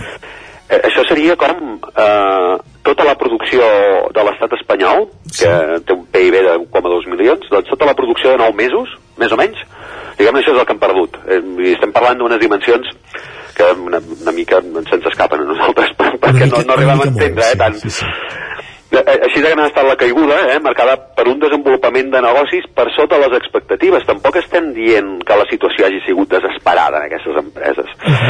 Uh, no, no, no forma part de, de les empreses de l'ecònim més cèlebre d'aquests mercats alternatius, però la companyia que obria aquesta mala ratxa era Netflix. Netflix va tenir uns resultats sòlids, eh? 1.600 milions de, de dòlars de benefici en el 2022, però resulta que eren inferiors als als 1.700 eh? de, de, de l'any anterior. Bueno, tampoc és una caiguda eh, molt, molt, molt dura, no? Eh, sobretot, el que passava és que comunicava una pèrdua de 200.000 subscriptors i això posava en alerta els mercats en el sentit que pot haver arribat al sostre d'un negoci, aquest, d'aquest negoci dels continguts audiovisuals de pagament, que probablement s'hagi arribat al sostre de, de Netflix perquè li ha sortit moltíssima competència, perquè durant tot aquest període eh, ara, diguem-ne, que ha perdut aquests 200.000 espectadors, també passa que no, no poden comptabilitzar els de Rússia, eh, han passat moltes coses, probablement alienes a, l'evolució del negoci, ja dic, 1.600 milions de dòlars de benefici tampoc és mm, perquè rebin un càstig com el que van rebre, un càstig eh, que portava a una caiguda de les accions d'un 28%, eh? Eh, és una caiguda important. Mm, eh, I això demostraven, això ve a demostrar que més enllà del compte d'explotació, que com diem tampoc era per entrar en depressió profunda, eh, doncs els inversors entren en valoracions que van més enllà de les expectatives immediates, eh? Segurament no dic que no, eh? segurament veuen, hi veuen més, en, hi veuen més que nosaltres, per això són inversors i nosaltres no. Eh? Uh, a l'avançada d'unes setmanes en les quals les expectatives per l'evolució dels negocis de les grans tecnològiques no arribaven a complir-se, els inversors també estan atents a altres realitats. Eh? Veiem això, eh? el deute públic està incrementant la rendibilitat eh? després d'anys estancat. Una, una vegada més l'expectativa que pujaran els tipus d'interès. Ah, mm, Tenim, tenim altres empreses que també tenien càstig. Alphabet, eh, que és l'empresa matriu de Google, eh, veia caure la capitalització en 275.000 milions de dòlars. Aquest és el, és el campió eh, de, de, de, de la reducció de cotització. Després de, re, de reportar, atenció, que els ingressos havien crescut un 23% perquè els beneficis hi havien baixat un 8,3%. Eh? I càstig mm, important. Tampoc ha sigut el mes més positiu per, per Apple, eh? Eh, que redueix la valoració de 200.000 milions de dòlars. En aquest cas, tot i haver comunicat que tant les vendes com els beneficis s'han incrementat. Ni Meta ni Amazon poden presumir de ser excepcions en aquesta espiral baixista. Eh? Amazon, de fet, reconeixia que per, ha tingut un trimestre en pèrdues eh, i això, diguem-ne, que ha posat bastant nerviós, no?, també. I, de fet, només hi ha una excepció en aquestes tecnològiques, que és Twitter, que efectivament ha crescut, però que mm, primer no forma part d'aquestes cinc grans i a més ha tingut unes oscil·lacions vinculades molt als moviments d'Elon Musk eh, que sí, finalment sí, ha acabat comprant la companyia sense, eh, sempre poden haver-hi argumentacions més senzilles eh, de les que direm ara eh, com que tot allò que puja baixa les tecnològiques ho van fer molt eh, acaba baixant però a l'hora d'explicar aquesta evolució mm, hi ha força consens que l'expectativa d'un creixement en els tipus d'interès és la causa de fons. Uh -huh. Per què? Eh, doncs no només perquè els inversors puguin estar buscant refugis més segurs eh? Eh, ara mateix, sinó perquè les empreses amb relatiu poc, amb relativament poc recorregut històric que és el que li passa a aquestes empreses, diguem, no, no, són, no són les grans petroleres que abans dominaven el mercat, eh? Vull dir, són, són empreses amb, amb menys recorregut. Doncs aquestes han fonamentat bona part del creixement en l'endeutament. Eh? I si ara pugen els interessos, això voldrà dir que hauran de pagar més eh, més interessos per als deutes que tenen contrets. I per tant és força probable que això mm, acabi ressentint, acabi, acabi sent un element que faci, faci ressentir els, els beneficis. I per tant, que la, el, el retorn de la inversió que tu puguis fer s'allarga més en el temps, eh, no? I diguem-ne els inversors el que volen són més o menys resultats més o menys més immediats, eh? que, no, que no pas esperar a, a més llarg termini i llavors si, si amb aquest tipus d'interès triguen més a recuperar la inversió que han fet, doncs eh, diguem-ne que el que fan és vendre i quan hi ha moltes vendes el, el valor de la cotització baixa. Amb independència de la percepció que en puguin tenir els inversors i sempre amb factors de correcció que, fan el cas, eh? eh quan, eh, sem sempre, qual, qualsevol anàlisi que es pugui basar en la borsa, des, al, almenys des del punt de vista d'una persona com jo, que sóc bastant profà en aquest tema, eh? però sempre eh, amb l'evolució que faci la borsa sempre s'ha de fer un factor de correcció, eh? perquè eh, el comportament, el que deia, eh, moltes vegades funciona molt, molt per impuls i tampoc està eh, mol- moltes vegades tampoc és molt, ra molt raonada eh, en alguns moviments que es fan mm, però, perquè moltes vegades estan més marcats per expectatives que per realitats eh? Així que es poden detectar factors que estan tenint una contribució directa en aquest període d'incerteses que exemplifiquen les rebaixes en les cotitzacions d'aquestes grans tecnològiques. Mm, més enllà de la, certe- de la certesa que l'alta inflació a tot el món acabarà derivant un increment de tipus d'interès, fa l'efecte que això ja es dona per descomptat, és bastant probable que aquesta setmana hi hagi notícies mm, pel que fa a la Reserva Federal dels Estats Units, eh, que ja, ja comenci a pujar tipus d'interès, i això vol dir, si ho fa la Reserva Federal el mes de maig, mm, no és gaire improbable que si no dins d'aquest trimestre, a partir del trimestre que ve també ho veiem en el, en el Banc Central Europeu i també toqui pagar més interessos aquí. Eh? Doncs eh, això mm, clarament incidirà en el consum dels, ciutat, dels ciutadans al, d'arreu del món. Eh? Eh, Si pugen els preus, si pugen els tipus d'interès, eh, el, el consum se n'acabarà ressentint.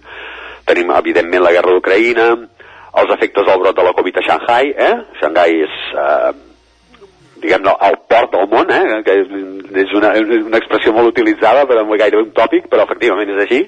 Uh, és un dels principals punts de comerç internacional i això pot, és una amenaça de generalitzar la forta crisi de subministraments que, que hi ha hagut eh? Uh, en, els, en els, els últims mesos. Eh? Hem parlat moltes vegades aquí mateix del tema dels semiconductors, eh, tot plegat això pot alterar diguem-ne la capacitat productiva eh, de, de, dels països doncs eh, aquí tenim molts elements de desequilibri. Eh? Fins a quin punt aquests factors eh, són només conjunturals i, o, o, o tinguin una durada més prolongada en el temps acabarà determinant si aquestes incerteses actuals acaben traduint en efectes greus en l'economia dels propers mesos o anys. Eh, de moment, els inversors el que estan avançant és un desconcert que no arriba a ser una incertesa, eh? Sí. el desconcert no és incertesa, però sí que li sembla bastant.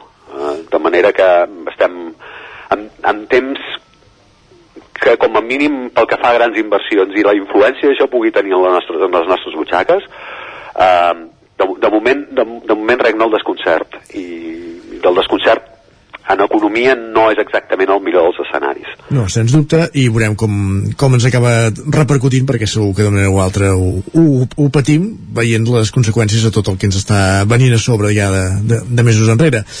El que sí que hi ha sentit denunciar és que Netflix es planteja posar publicitat, allò que tant la diferenciava de la televisió convencional. Clar, però jo crec que això és un tret al peu, no? Exacte. Uh, si, sí, sí.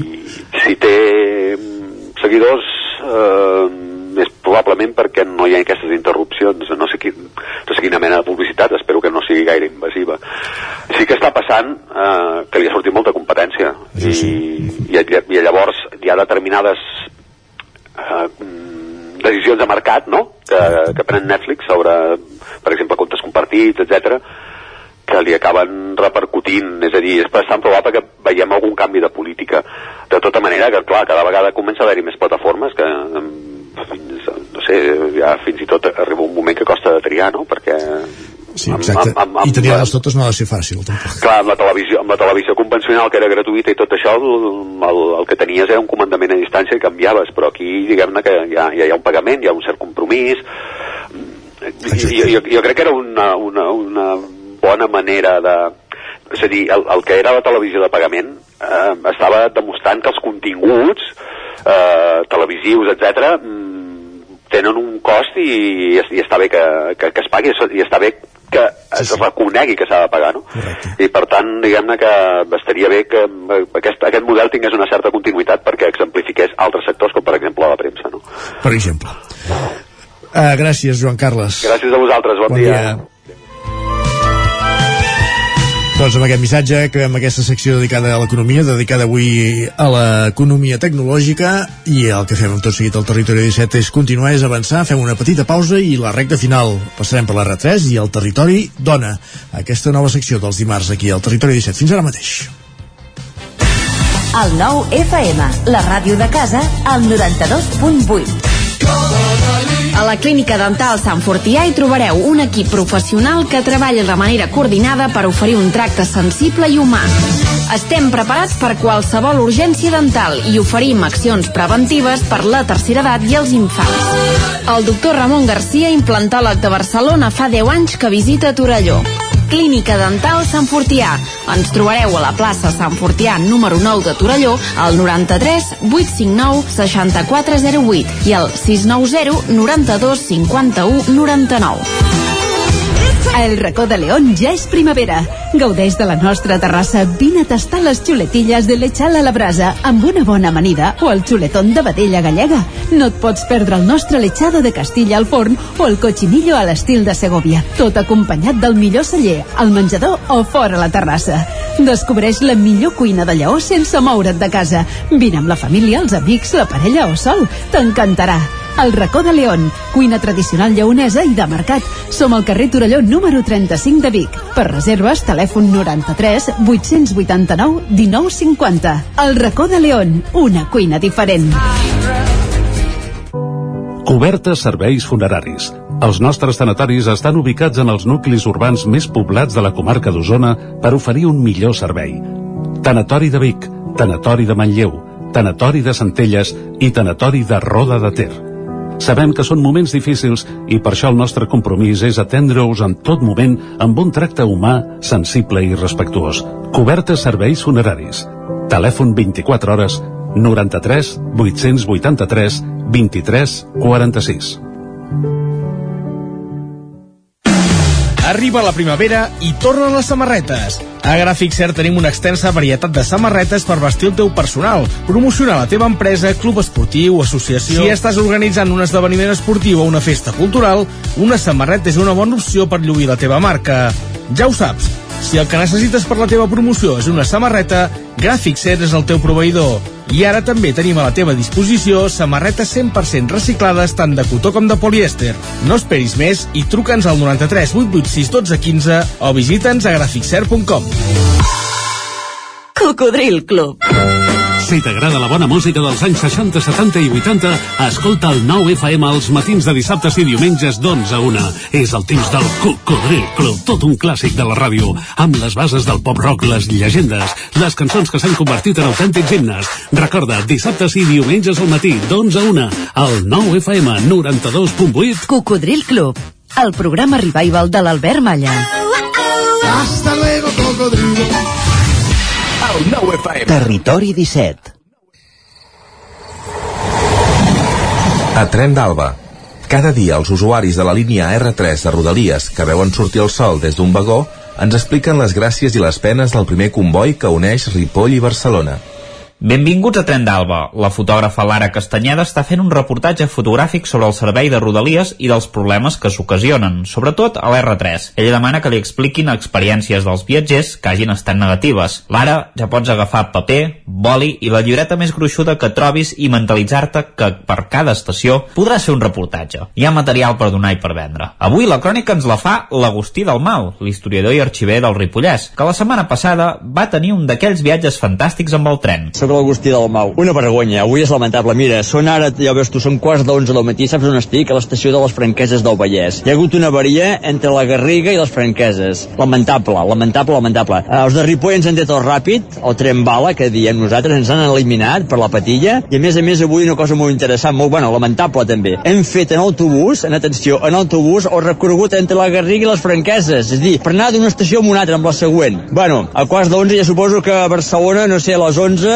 o, o quarts de 12. Aquí hi ha més gent, estem tots aquí, bueno, ja us ho podeu imaginar, la gent està supercabrejada i emprenyada. No anem bé, aquest país no, anem bé, és una vergonya la gent que ens manen. Vinga, salutacions. Que això continua. Resulta que en directe aquí, rigorós corresponsal, resulta que ara ens diuen que les franqueses no agafem el tren, sinó que ara hem d'agafar un altre autobús que ens porten fins a l'estació de Granollers Centre. fantàstic, tu, fantàstic. Vinga, salutacions. Això de la supressió del tren bala és molt lamentable perquè suposa un greuge pels habitants del Ripollès. La usuària Laia Capdevila, que és regidora de Sant Joan de les Abadeses i que viu al municipi, va fer una piulada a les xarxes en què volia crear un grup de WhatsApp per compartir cotxe per anar a treballar a Barcelona, ja que evidentment surt molt malament de preu anar-hi sol. Esperem que Renfe recapaciti i millori els horaris per tothom. Territori 17. El 9 FM, la veu de Sant Joan, Ona Codinenca, Ràdio Cardedeu, Territori 17.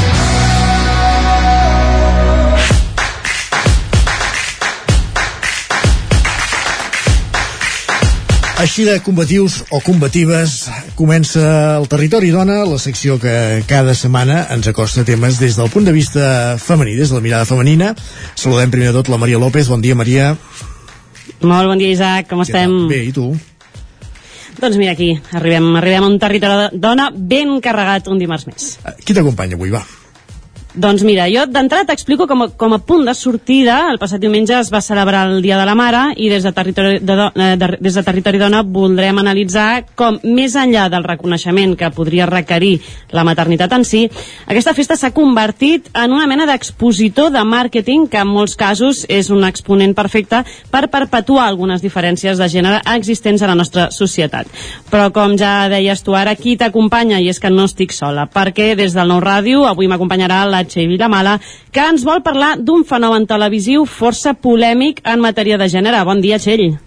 Bon dia, Maria. Bon dia també, Isaac. Uh, sí, justament tu ara parlaves d'efemèrides del Dia de la Mare. Avui és dimarts, uh, fa justament una setmana, el dimarts 26 d'abril, es commemorava també el Dia de la Visibilitat Lèsbica i uh, mirarem de contraposar aquesta data i els passos que suposadament anem fent per trencar les regles de la heteronormativitat amb el fet, o intentar explicar per què després hi ha programes com l'Illa de les Temptacions, uh, que s'emet als canals mm. de Mediaset 17 doncs, que continuen tenint tant d'èxit, malgrat que cada vegada trenquem aquests esquemes eh, mentals que suposadament eh, ens condicionen la vida no? a l'hora de desenvolupar-nos en una relació de parella. Doncs programa polèmic el que ens porta avui la Txell i qui ens porta també polèmica aquest cop des d'Ona Codinenca és la Caral Campàs que ens portarà la bandera vermella verda no sé molt bé com anirà avui de les xarxes socials, oi que sí Caral? Sí, us portaré una bandera vermella en aquest cas perquè hi ha hagut una polèmica a les xarxes socials al voltant d'una mena d'influencer, podríem dir, um, que bé, ha fet una, bueno, va fer unes declaracions fa un parell de setmanes polèmiques que ja us avançaré més tard de polèmica en polèmica i així ens endinsem al territori dona que arriba combatiu, com bé deia l'Isaac amb aquests timbals d'entrada. Jo us començo plantejant aquest dia que dèiem el dia de la mare i aquest dia tan assenyalat al calendari que per no tenir no té ni tan sols un dia fixe. Parlem del primer diumenge de maig, caigui, caigui en el dia que caigui, una data que si bé podria tenir un caire una mica més reivindicatiu, en realitat és una jornada on el centre de l'activitat consisteix bàsicament a fer un regal a les nostres mares i punt. D'entrada, ja val la pena parar-se a mirar quin tipus de regals són els més venuts en una jornada com aquesta. Perquè segons la llista dels productes més venuts pel Dia de la Mare, els productes de moda i d'estètica, o sigui, joies, en primer lloc, perfums, maquillatge, roba i tot aquest llarg, etc, estan en el primer lloc, seguit de les flors i seguits encara massa de prop pels temps que corren en objectes de la llar, tipus tasses i aspiradores. Uh, resulta que, que el que hauria de ser tot un homenatge ens dona la volta i sobretot pel que fa a la publicitat que se'n deriva, perquè aquest és el gran drama. Més enllà del que decidim comprar a les nostres mares, que moltes vegades arriba quasi amb una petició directa o indirecta per part de les mares, el drama real està en tota la publicitat que es genera al voltant d'aquest dia i que reprodueix en gran mesura estereotips totalment masclistes. Jo us he bus volgut buscar, a uh, Txell, Caral, alguns exemples per comentar-vos, a veure què, què us semblen, però us parlaré d'alguna de les publicitats que he pogut trobar així al voltant d'aquests regals. Val? Així d'entrada, eh, he trobat una d'una casa d'assegurances que diu, o sigui, es veu a la imatge, perquè ens fem la idea, una dona amb un bebè, allà amb un nadó al, al costat mig assegut, y la frase diu, madre, amiga, esposa, compañera, hay muchas mujeres en ti, pero todas están protegidas por, i no farem publicitat, però el nom de l'assegurança. En aquest cas, bàsicament ja ens estan dient uh, tu ets tot el que representes pels de més. O sigui, ets amiga, ets esposa, ets companya, ets mare, mm, sembla que s'han oblidat de que una és una mateixa sense els vincles que estableixi al voltant. Però bé, aquest és un dels exemples. Us en tinc més, eh? A veure, vaig cap al segon que tinc aquí preparat, que aquest m'ha fet molta gràcia. Un dels elements estrella d'aquests eh, elements per la llar són les tasses. No sé què passa el dia de la mare, però sembla que la venda de tasses pugen brutalment, totes, eh, evidentment, amb la seva tipografia supercookie, i hi ha una, que és una de les més venudes, que diu Mamà, la mejor mamà, dos punts. I et fan una definició com si fos un diccionari de mamà. I diu, da amor sin reservas en todas las situaciones de la vida. Dos, siempre cariñosa, comprensiva y generosa. Tres, maestra organizadora en la lucha contra el caos diario. Cuatro, también conocida como la mejor cocinera de toda España. Mireu, jo sóc mare i no sabeu l'arròs cremat que vaig fer el passat diumenge, que allò no s'ho menjava ni Déu. O sigui, ni cuinera ja està bé d'alguna manera d'aquests uh, estereotips tan, tan marcats, no? A més, sembla que si ets més o menys carinyosa, sembla que això ha d'anar el pack, no? Uh, per què no parlar també de totes aquelles publicitats que parlen de la supermamà i constantment trobes imatges de mares amb la capa de, de, de Superman uh, com si, bueno, és, és aquella, aquella raça quasi que ha de ser capaç no, de treballar, fer tot i no de caure mai. Això ja és un estereotip que ha marcat a tota una generació un, un, un estigma del haig de ser capaç de tot i si no ho sóc és que ja passa alguna cosa però el top 10 ja és quan arribes a un supermercat de marca molt coneguda que trobes un cartell enorme que diu Mamà, tu eres la mejor i a sota dos aspiradors. Pots escollir color verd o color taronja, gràcies a, Déu no han posat color rosa, que ja podria haver sigut l última, però mira, pots escollir entre dos aspiradors. La teva tasca està clara. Si des del supermercat et diuen aquest és el teu regal, anem, anem apanyats. Un altre dels exemples, i aquí és eh, sense voler dir marques, però parlem d'una secció de mobles que és una mica yo me lo guiso, yo me lo como, eh, la frase diu más y más táperes de mamá y la frase diu, casi no me queda tiempo para nada, con las prisas a las que vamos ya no comemos como lo hacíamos antes. Ya me he independizado, pero aún tengo dependencia de los táperes y la comida de mamá. Nada como cuando mamá nos prepara la comida a diario. O sigui, aquesta funció és la que, la que se suposa que segons algunes marques ens toca la vida. I el tema de cuinar és recurrent i, i va sortint forces, forces vegades. Un altre dels que tinc aquí seleccionats, eh, i aquest directament no es veu la marca, però sí que tinc aquí la foto, que diu no ven, surt un, com un tros de, un cos de, de dona així agafant-se a si mateixa i a sobre unes lletres que diuen 97% entregada 3% egoísmo 0% quejas eso es 100% madre o sigui eh, treballar i a callar bàsicament és el resum d'aquest spot que també és, em sembla que el que ven és roba eh, com a regal pel dia de la mare. Un altre dels que tinc eh, per aquí és ja per les tendències més a regalar eh, roba sexy o coses així més d'estètica però tot vigilant sobretot el que és l'estètica de cadascuna. I la frase diu quererse para poder querer, cuidarse para poder cuidar. Siempre es importante y en estos momentos todavía más en resum, eh, si t'estimes i si et cuides no ets per tu mateixa, sinó per poder estimar i cuidar els altres. I mantenim aquest estereotip de la dona cuidadora per excel·lència i sempre preocupada per la seva estètica. I ja, com a últim exemple, eh, havia, havia tingut un moment d'optimisme, perquè havia vist un prestatge amb llibres, i he pensat, mira, ep, que eh, han pensat que també llegim les dones, no? Però comences a mirar els llibres i és tot eh, dieta, a correr libros de autoayuda o de consejos para niños, eh, cómo criar a tus hijos d'una manera molt sana. Tornem a lo mateix. Al final és molt bé, han entès que mm, ens pot encantar llegir un llibre, però si al final la lectura que et destinen o que posen a les prestatgeries van destinades a la cuina i a la cura dels altres, alguna cosa no estem fent bé. Noies, no sé com ho veieu vosaltres, però està clar que a nivell de publicitat el dia de, de la mare mmm, bandera vermella total Sí, um, jo ja no només diria això, és a dir, no sé quin, quan es va començar a celebrar el Dia de la Mare i el Dia del Pare, ni, ni per què, no ho he buscat, però sí que jo ho relacionaria bastant amb aquesta societat nostra capitalista de consum que de qualsevol cosa eh, en vol fer una festa per poder vendre, això com a, a punt inicial i, i després ja seguint amb el que, amb el que tu deies i mm, concretament amb el, amb el Dia de la Mare home, és, és evident i fa, fa evident aquests regals i aquests anuncis eh, que, que no o sigui que la visió que hi ha d'una mare mm, no, no correspon a la realitat ni molt menys i a part es, es relaciona moltíssim amb unes tasques de, de cura, unes tasques de cura i una que, que potser, que fins i tot són un,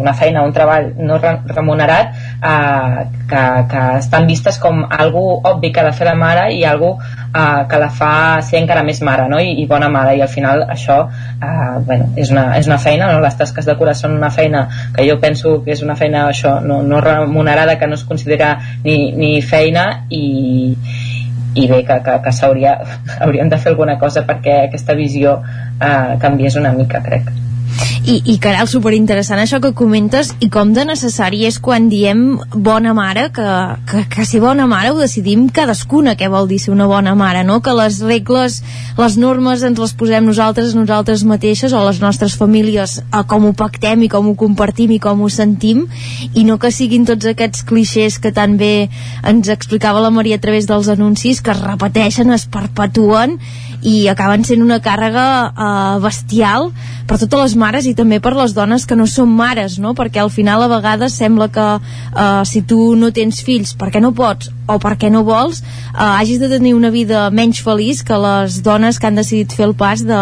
ser mares. Vull dir que també eh, és un altre filó per tenir en compte això és un altre meló que podríem obrir també un altre dia i de fet eh, precisament ahir veia una il·lustració de la Flavita Banana um, que parlava d'això una mica, que era, es veia una dona en una botiga com de, això de comprar regals i, i li preguntava al botiguer i somriures per quan et diuen què, no vols tenir fills o què, no vols ser mare no en teniu per, per, guardar, per posar-me'l cada cop que, no? bueno, això no ho diu, no? però uh, i, i feia aquesta crítica de dir, ostres, jo encara no sé, doncs no sé quants anys deu tenir, potser en té 40, no ho sé, però que cada cop eh, la gent, no, o al seu voltant li pregunten tu i els fills, o ai, per què no...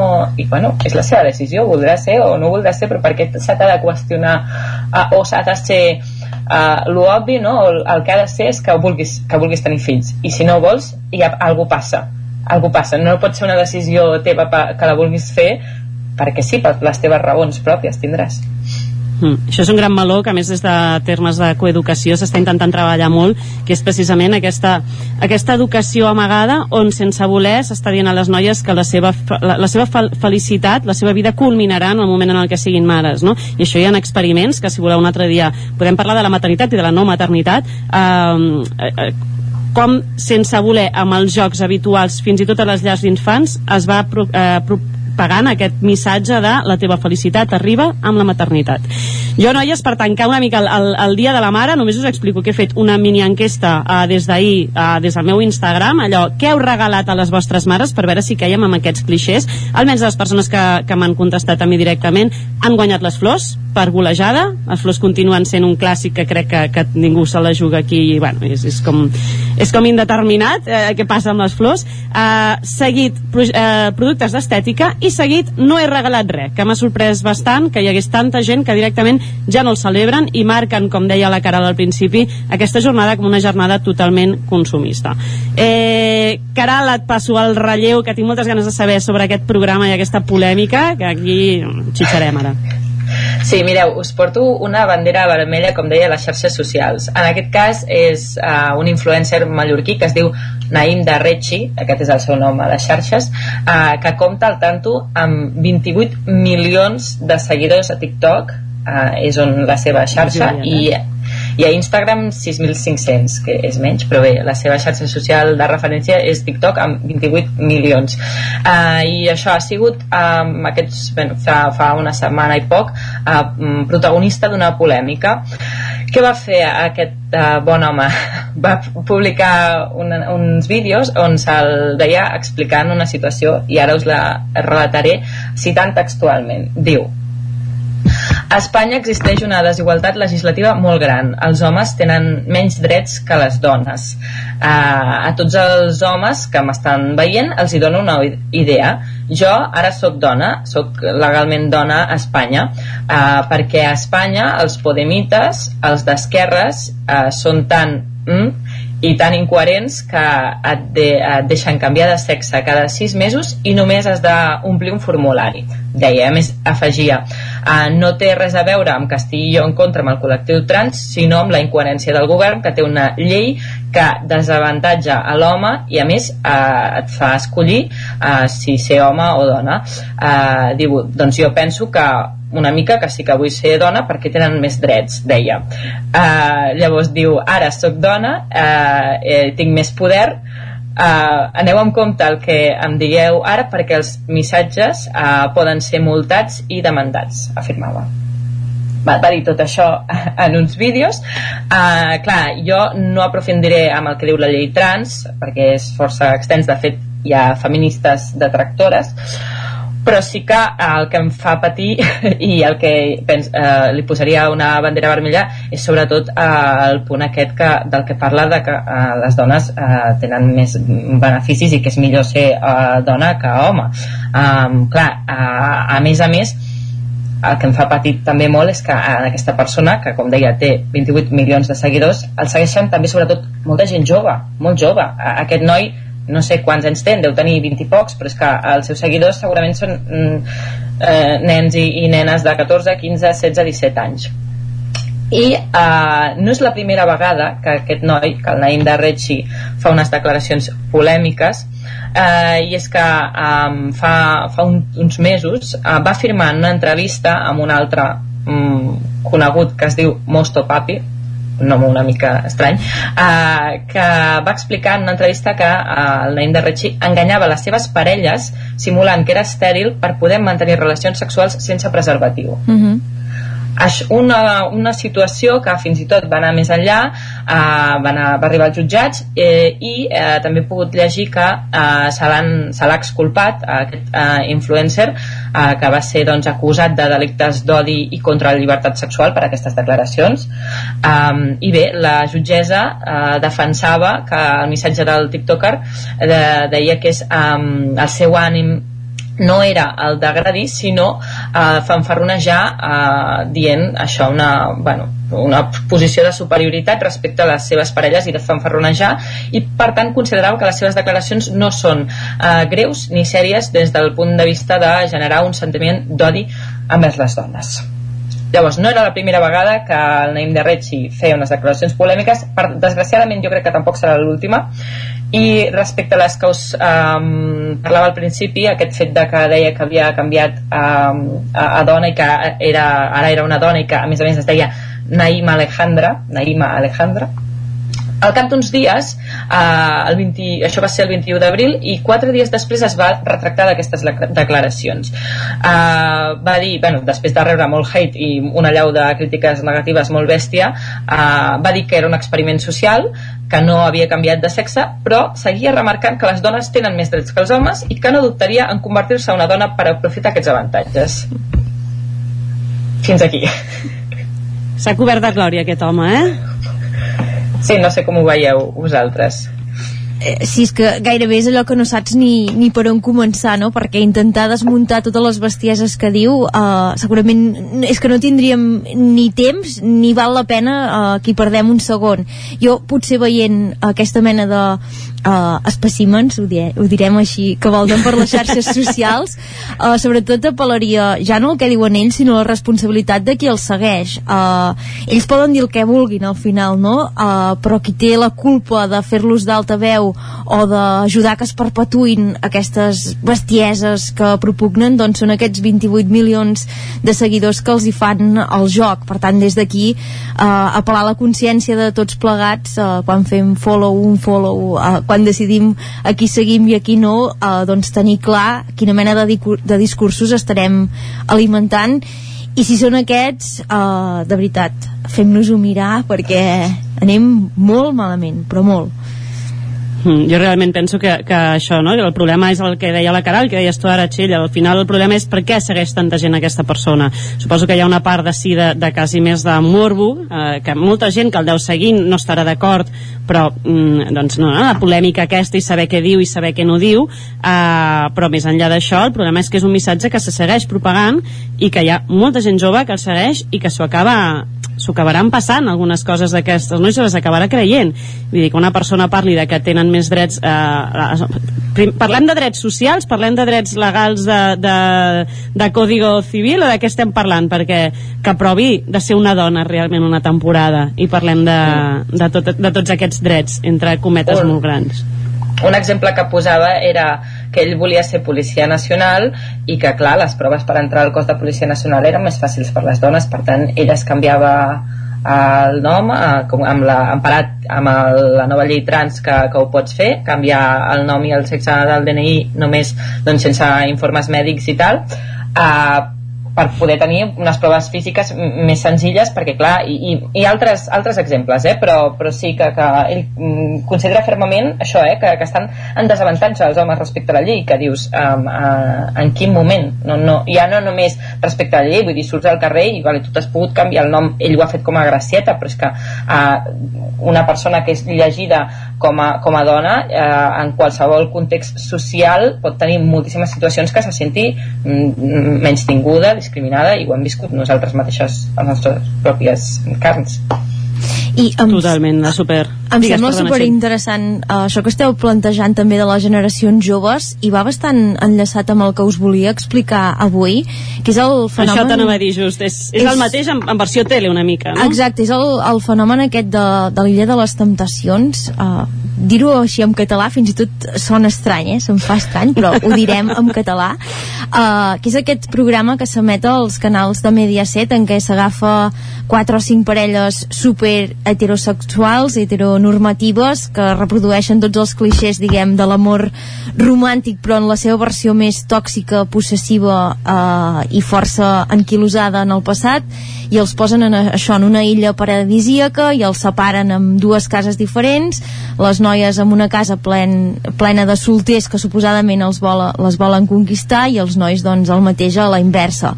Llavors, les dades d'audiència d'aquest programa, que porta quatre temporades a, eh, aquí a l'estat espanyol, són una bogeria. Uh, uns 3 milions i pico d'espectadors per capítol, una quota de pantalla del 26%, és a dir, un quart de cada quatre persones que estan davant de la televisió quan s'emet emet el programa se l'estan mirant i una penetració brutal a la franja dels 13 als 24 anys i també dels 25 als 44 anys eh, que són unes edats molt difícils de captar per la televisió tradicional eh, perquè es tracta de fonamentalment gent jove doncs, que prefereix eh, nous formats tipus les plataformes de contingut o també eh, YouTube, eh, streamers, TikTok, Twitch. Per tant, eh, eh, a, a propòsit del dia de la visibilitat plec, eh, lèsbica que dèiem que va ser la setmana passada, a la UIC hi va haver un debat super interessant de com pot ser de si aparentment estem fent tants passos endavant eh, en trencar la heteronormativitat, llavors ens trobem noves generacions que continuen enganxades als clixés eh, del que ha sigut aquest amor mal entès durant molts i molts anys. Per tant, el que us volia proposar amb aquesta estoneta que ens queda és intentar disseccionar les causes que fan que triomfin aquests formats. Més que res perquè si ho intentem analitzar llavors eh, eh, podem ajudar a desmuntar-los o si més no que qui s'ho mira ho faci amb ulls crítics cada vegada que es posi davant la pantalla. D'entrada no sé Maria Caral si vosaltres sou, sou seguidores del programa eh, o si encara que no en sigueu seguidores alguna cosa heu captat al vol eh, de les històries que s'hi han desenvolupat en aquestes temporades Caral, sí, endavant. Uh, jo ho he vist, no negaré que ho he vist alguna vegada, uh, però he de dir que quan, quan em parlo amb, amb els meus companys o col·legues o coneguts, que, que molta gent, bueno, tothom té la visió que, que comentes tu ara, Txell, um, sí que jo deixo, deixo molt clar o dic que la gent que, que mira això, si ho mira, um, ha de ser. Jo, si ho he mirat, és per passar el rato i riure, no, no per estar 100%, 100 focalitzada mirant allò, i d'altra banda, tinc un criteri, tinc un, una, mm, fer, bé, unes, mm, unes bases mentals, uns pilars eh, morals i ètics que encara que miri allò a mi no m'afectaran.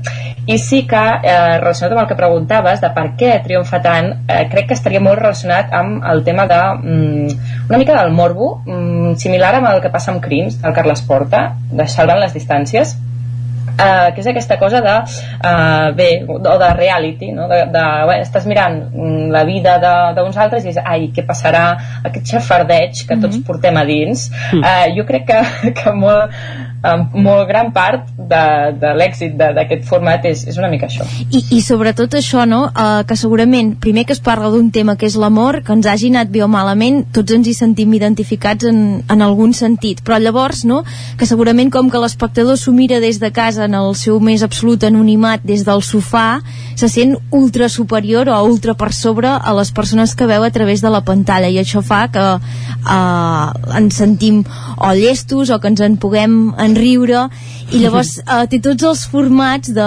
reality show uh, per acabar enganxant uh, l'audiència llavors també segurament no, que s'ensenyen uh, coses que no estem acostumades a veure acostumats a veure, que són les infidelitats uh, en, no? en, en la societat en què hem viscut uh, l'infidelitat uh, és un tema super tabú, un tema que ha estat molt mal vist, doncs imagineu-vos situar l'espectador veient-ho tot a través de la pantalla, veient com es desenvolupa setmana a setmana i a més a més amb unes trames eh, que són brutals i brutals en el sentit de que hi ha una postproducció de música, d'imatges superpicades, guionització, que tot està fet eh, perquè els capítols acabin sempre no? com en, en el moment d'auge màxim eh, per deixar-ho tot en suspens fins la següent setmana. Jo també crec que, que, que explica en part per què triomfen aquests formats, sé, l'equilibri, per exemple, no? Posen cinc parelles, una parella acaba enamoradíssima i el colofó és que eh, li demana matrimoni l'una a l'altra, uns eh, s'acaben embolicant amb 3 o 4 mentre es dura el reality, un altre deixa la seva parella però perquè les faltes de respecte són evidents i sembla que està super justificat de cara a l'audiència procedir d'aquesta manera i crec que un punt clau i si voleu podem comentar en un altre territori dona és com aquests programes acaben generant comunitat més enllà de la gent que s'asseu davant de la pantalla i això eh, va molt relacionat amb aquest públic jove no? que llavors comparteix memes eh, que fa gifs de no sé quin crit, eh, que ha vist les imatges a través eh, d'Instagram de que aquella parella ja no sé on s'han anat a parar vull dir, aquesta capacitat de, de fer engagement més enllà de, del programa en si Totalment, no, un producte superestudiat. Uh, Isaac, tornem al Rayo Cabellà, ens veiem dimarts que ve. Vinga, vagi bé, fins demà. Sí. un magazín del nou FM. La veu de Sant Joan, Ona Codinenca i Ràdio Cardedeu amb el suport de la xarxa. El nou FM.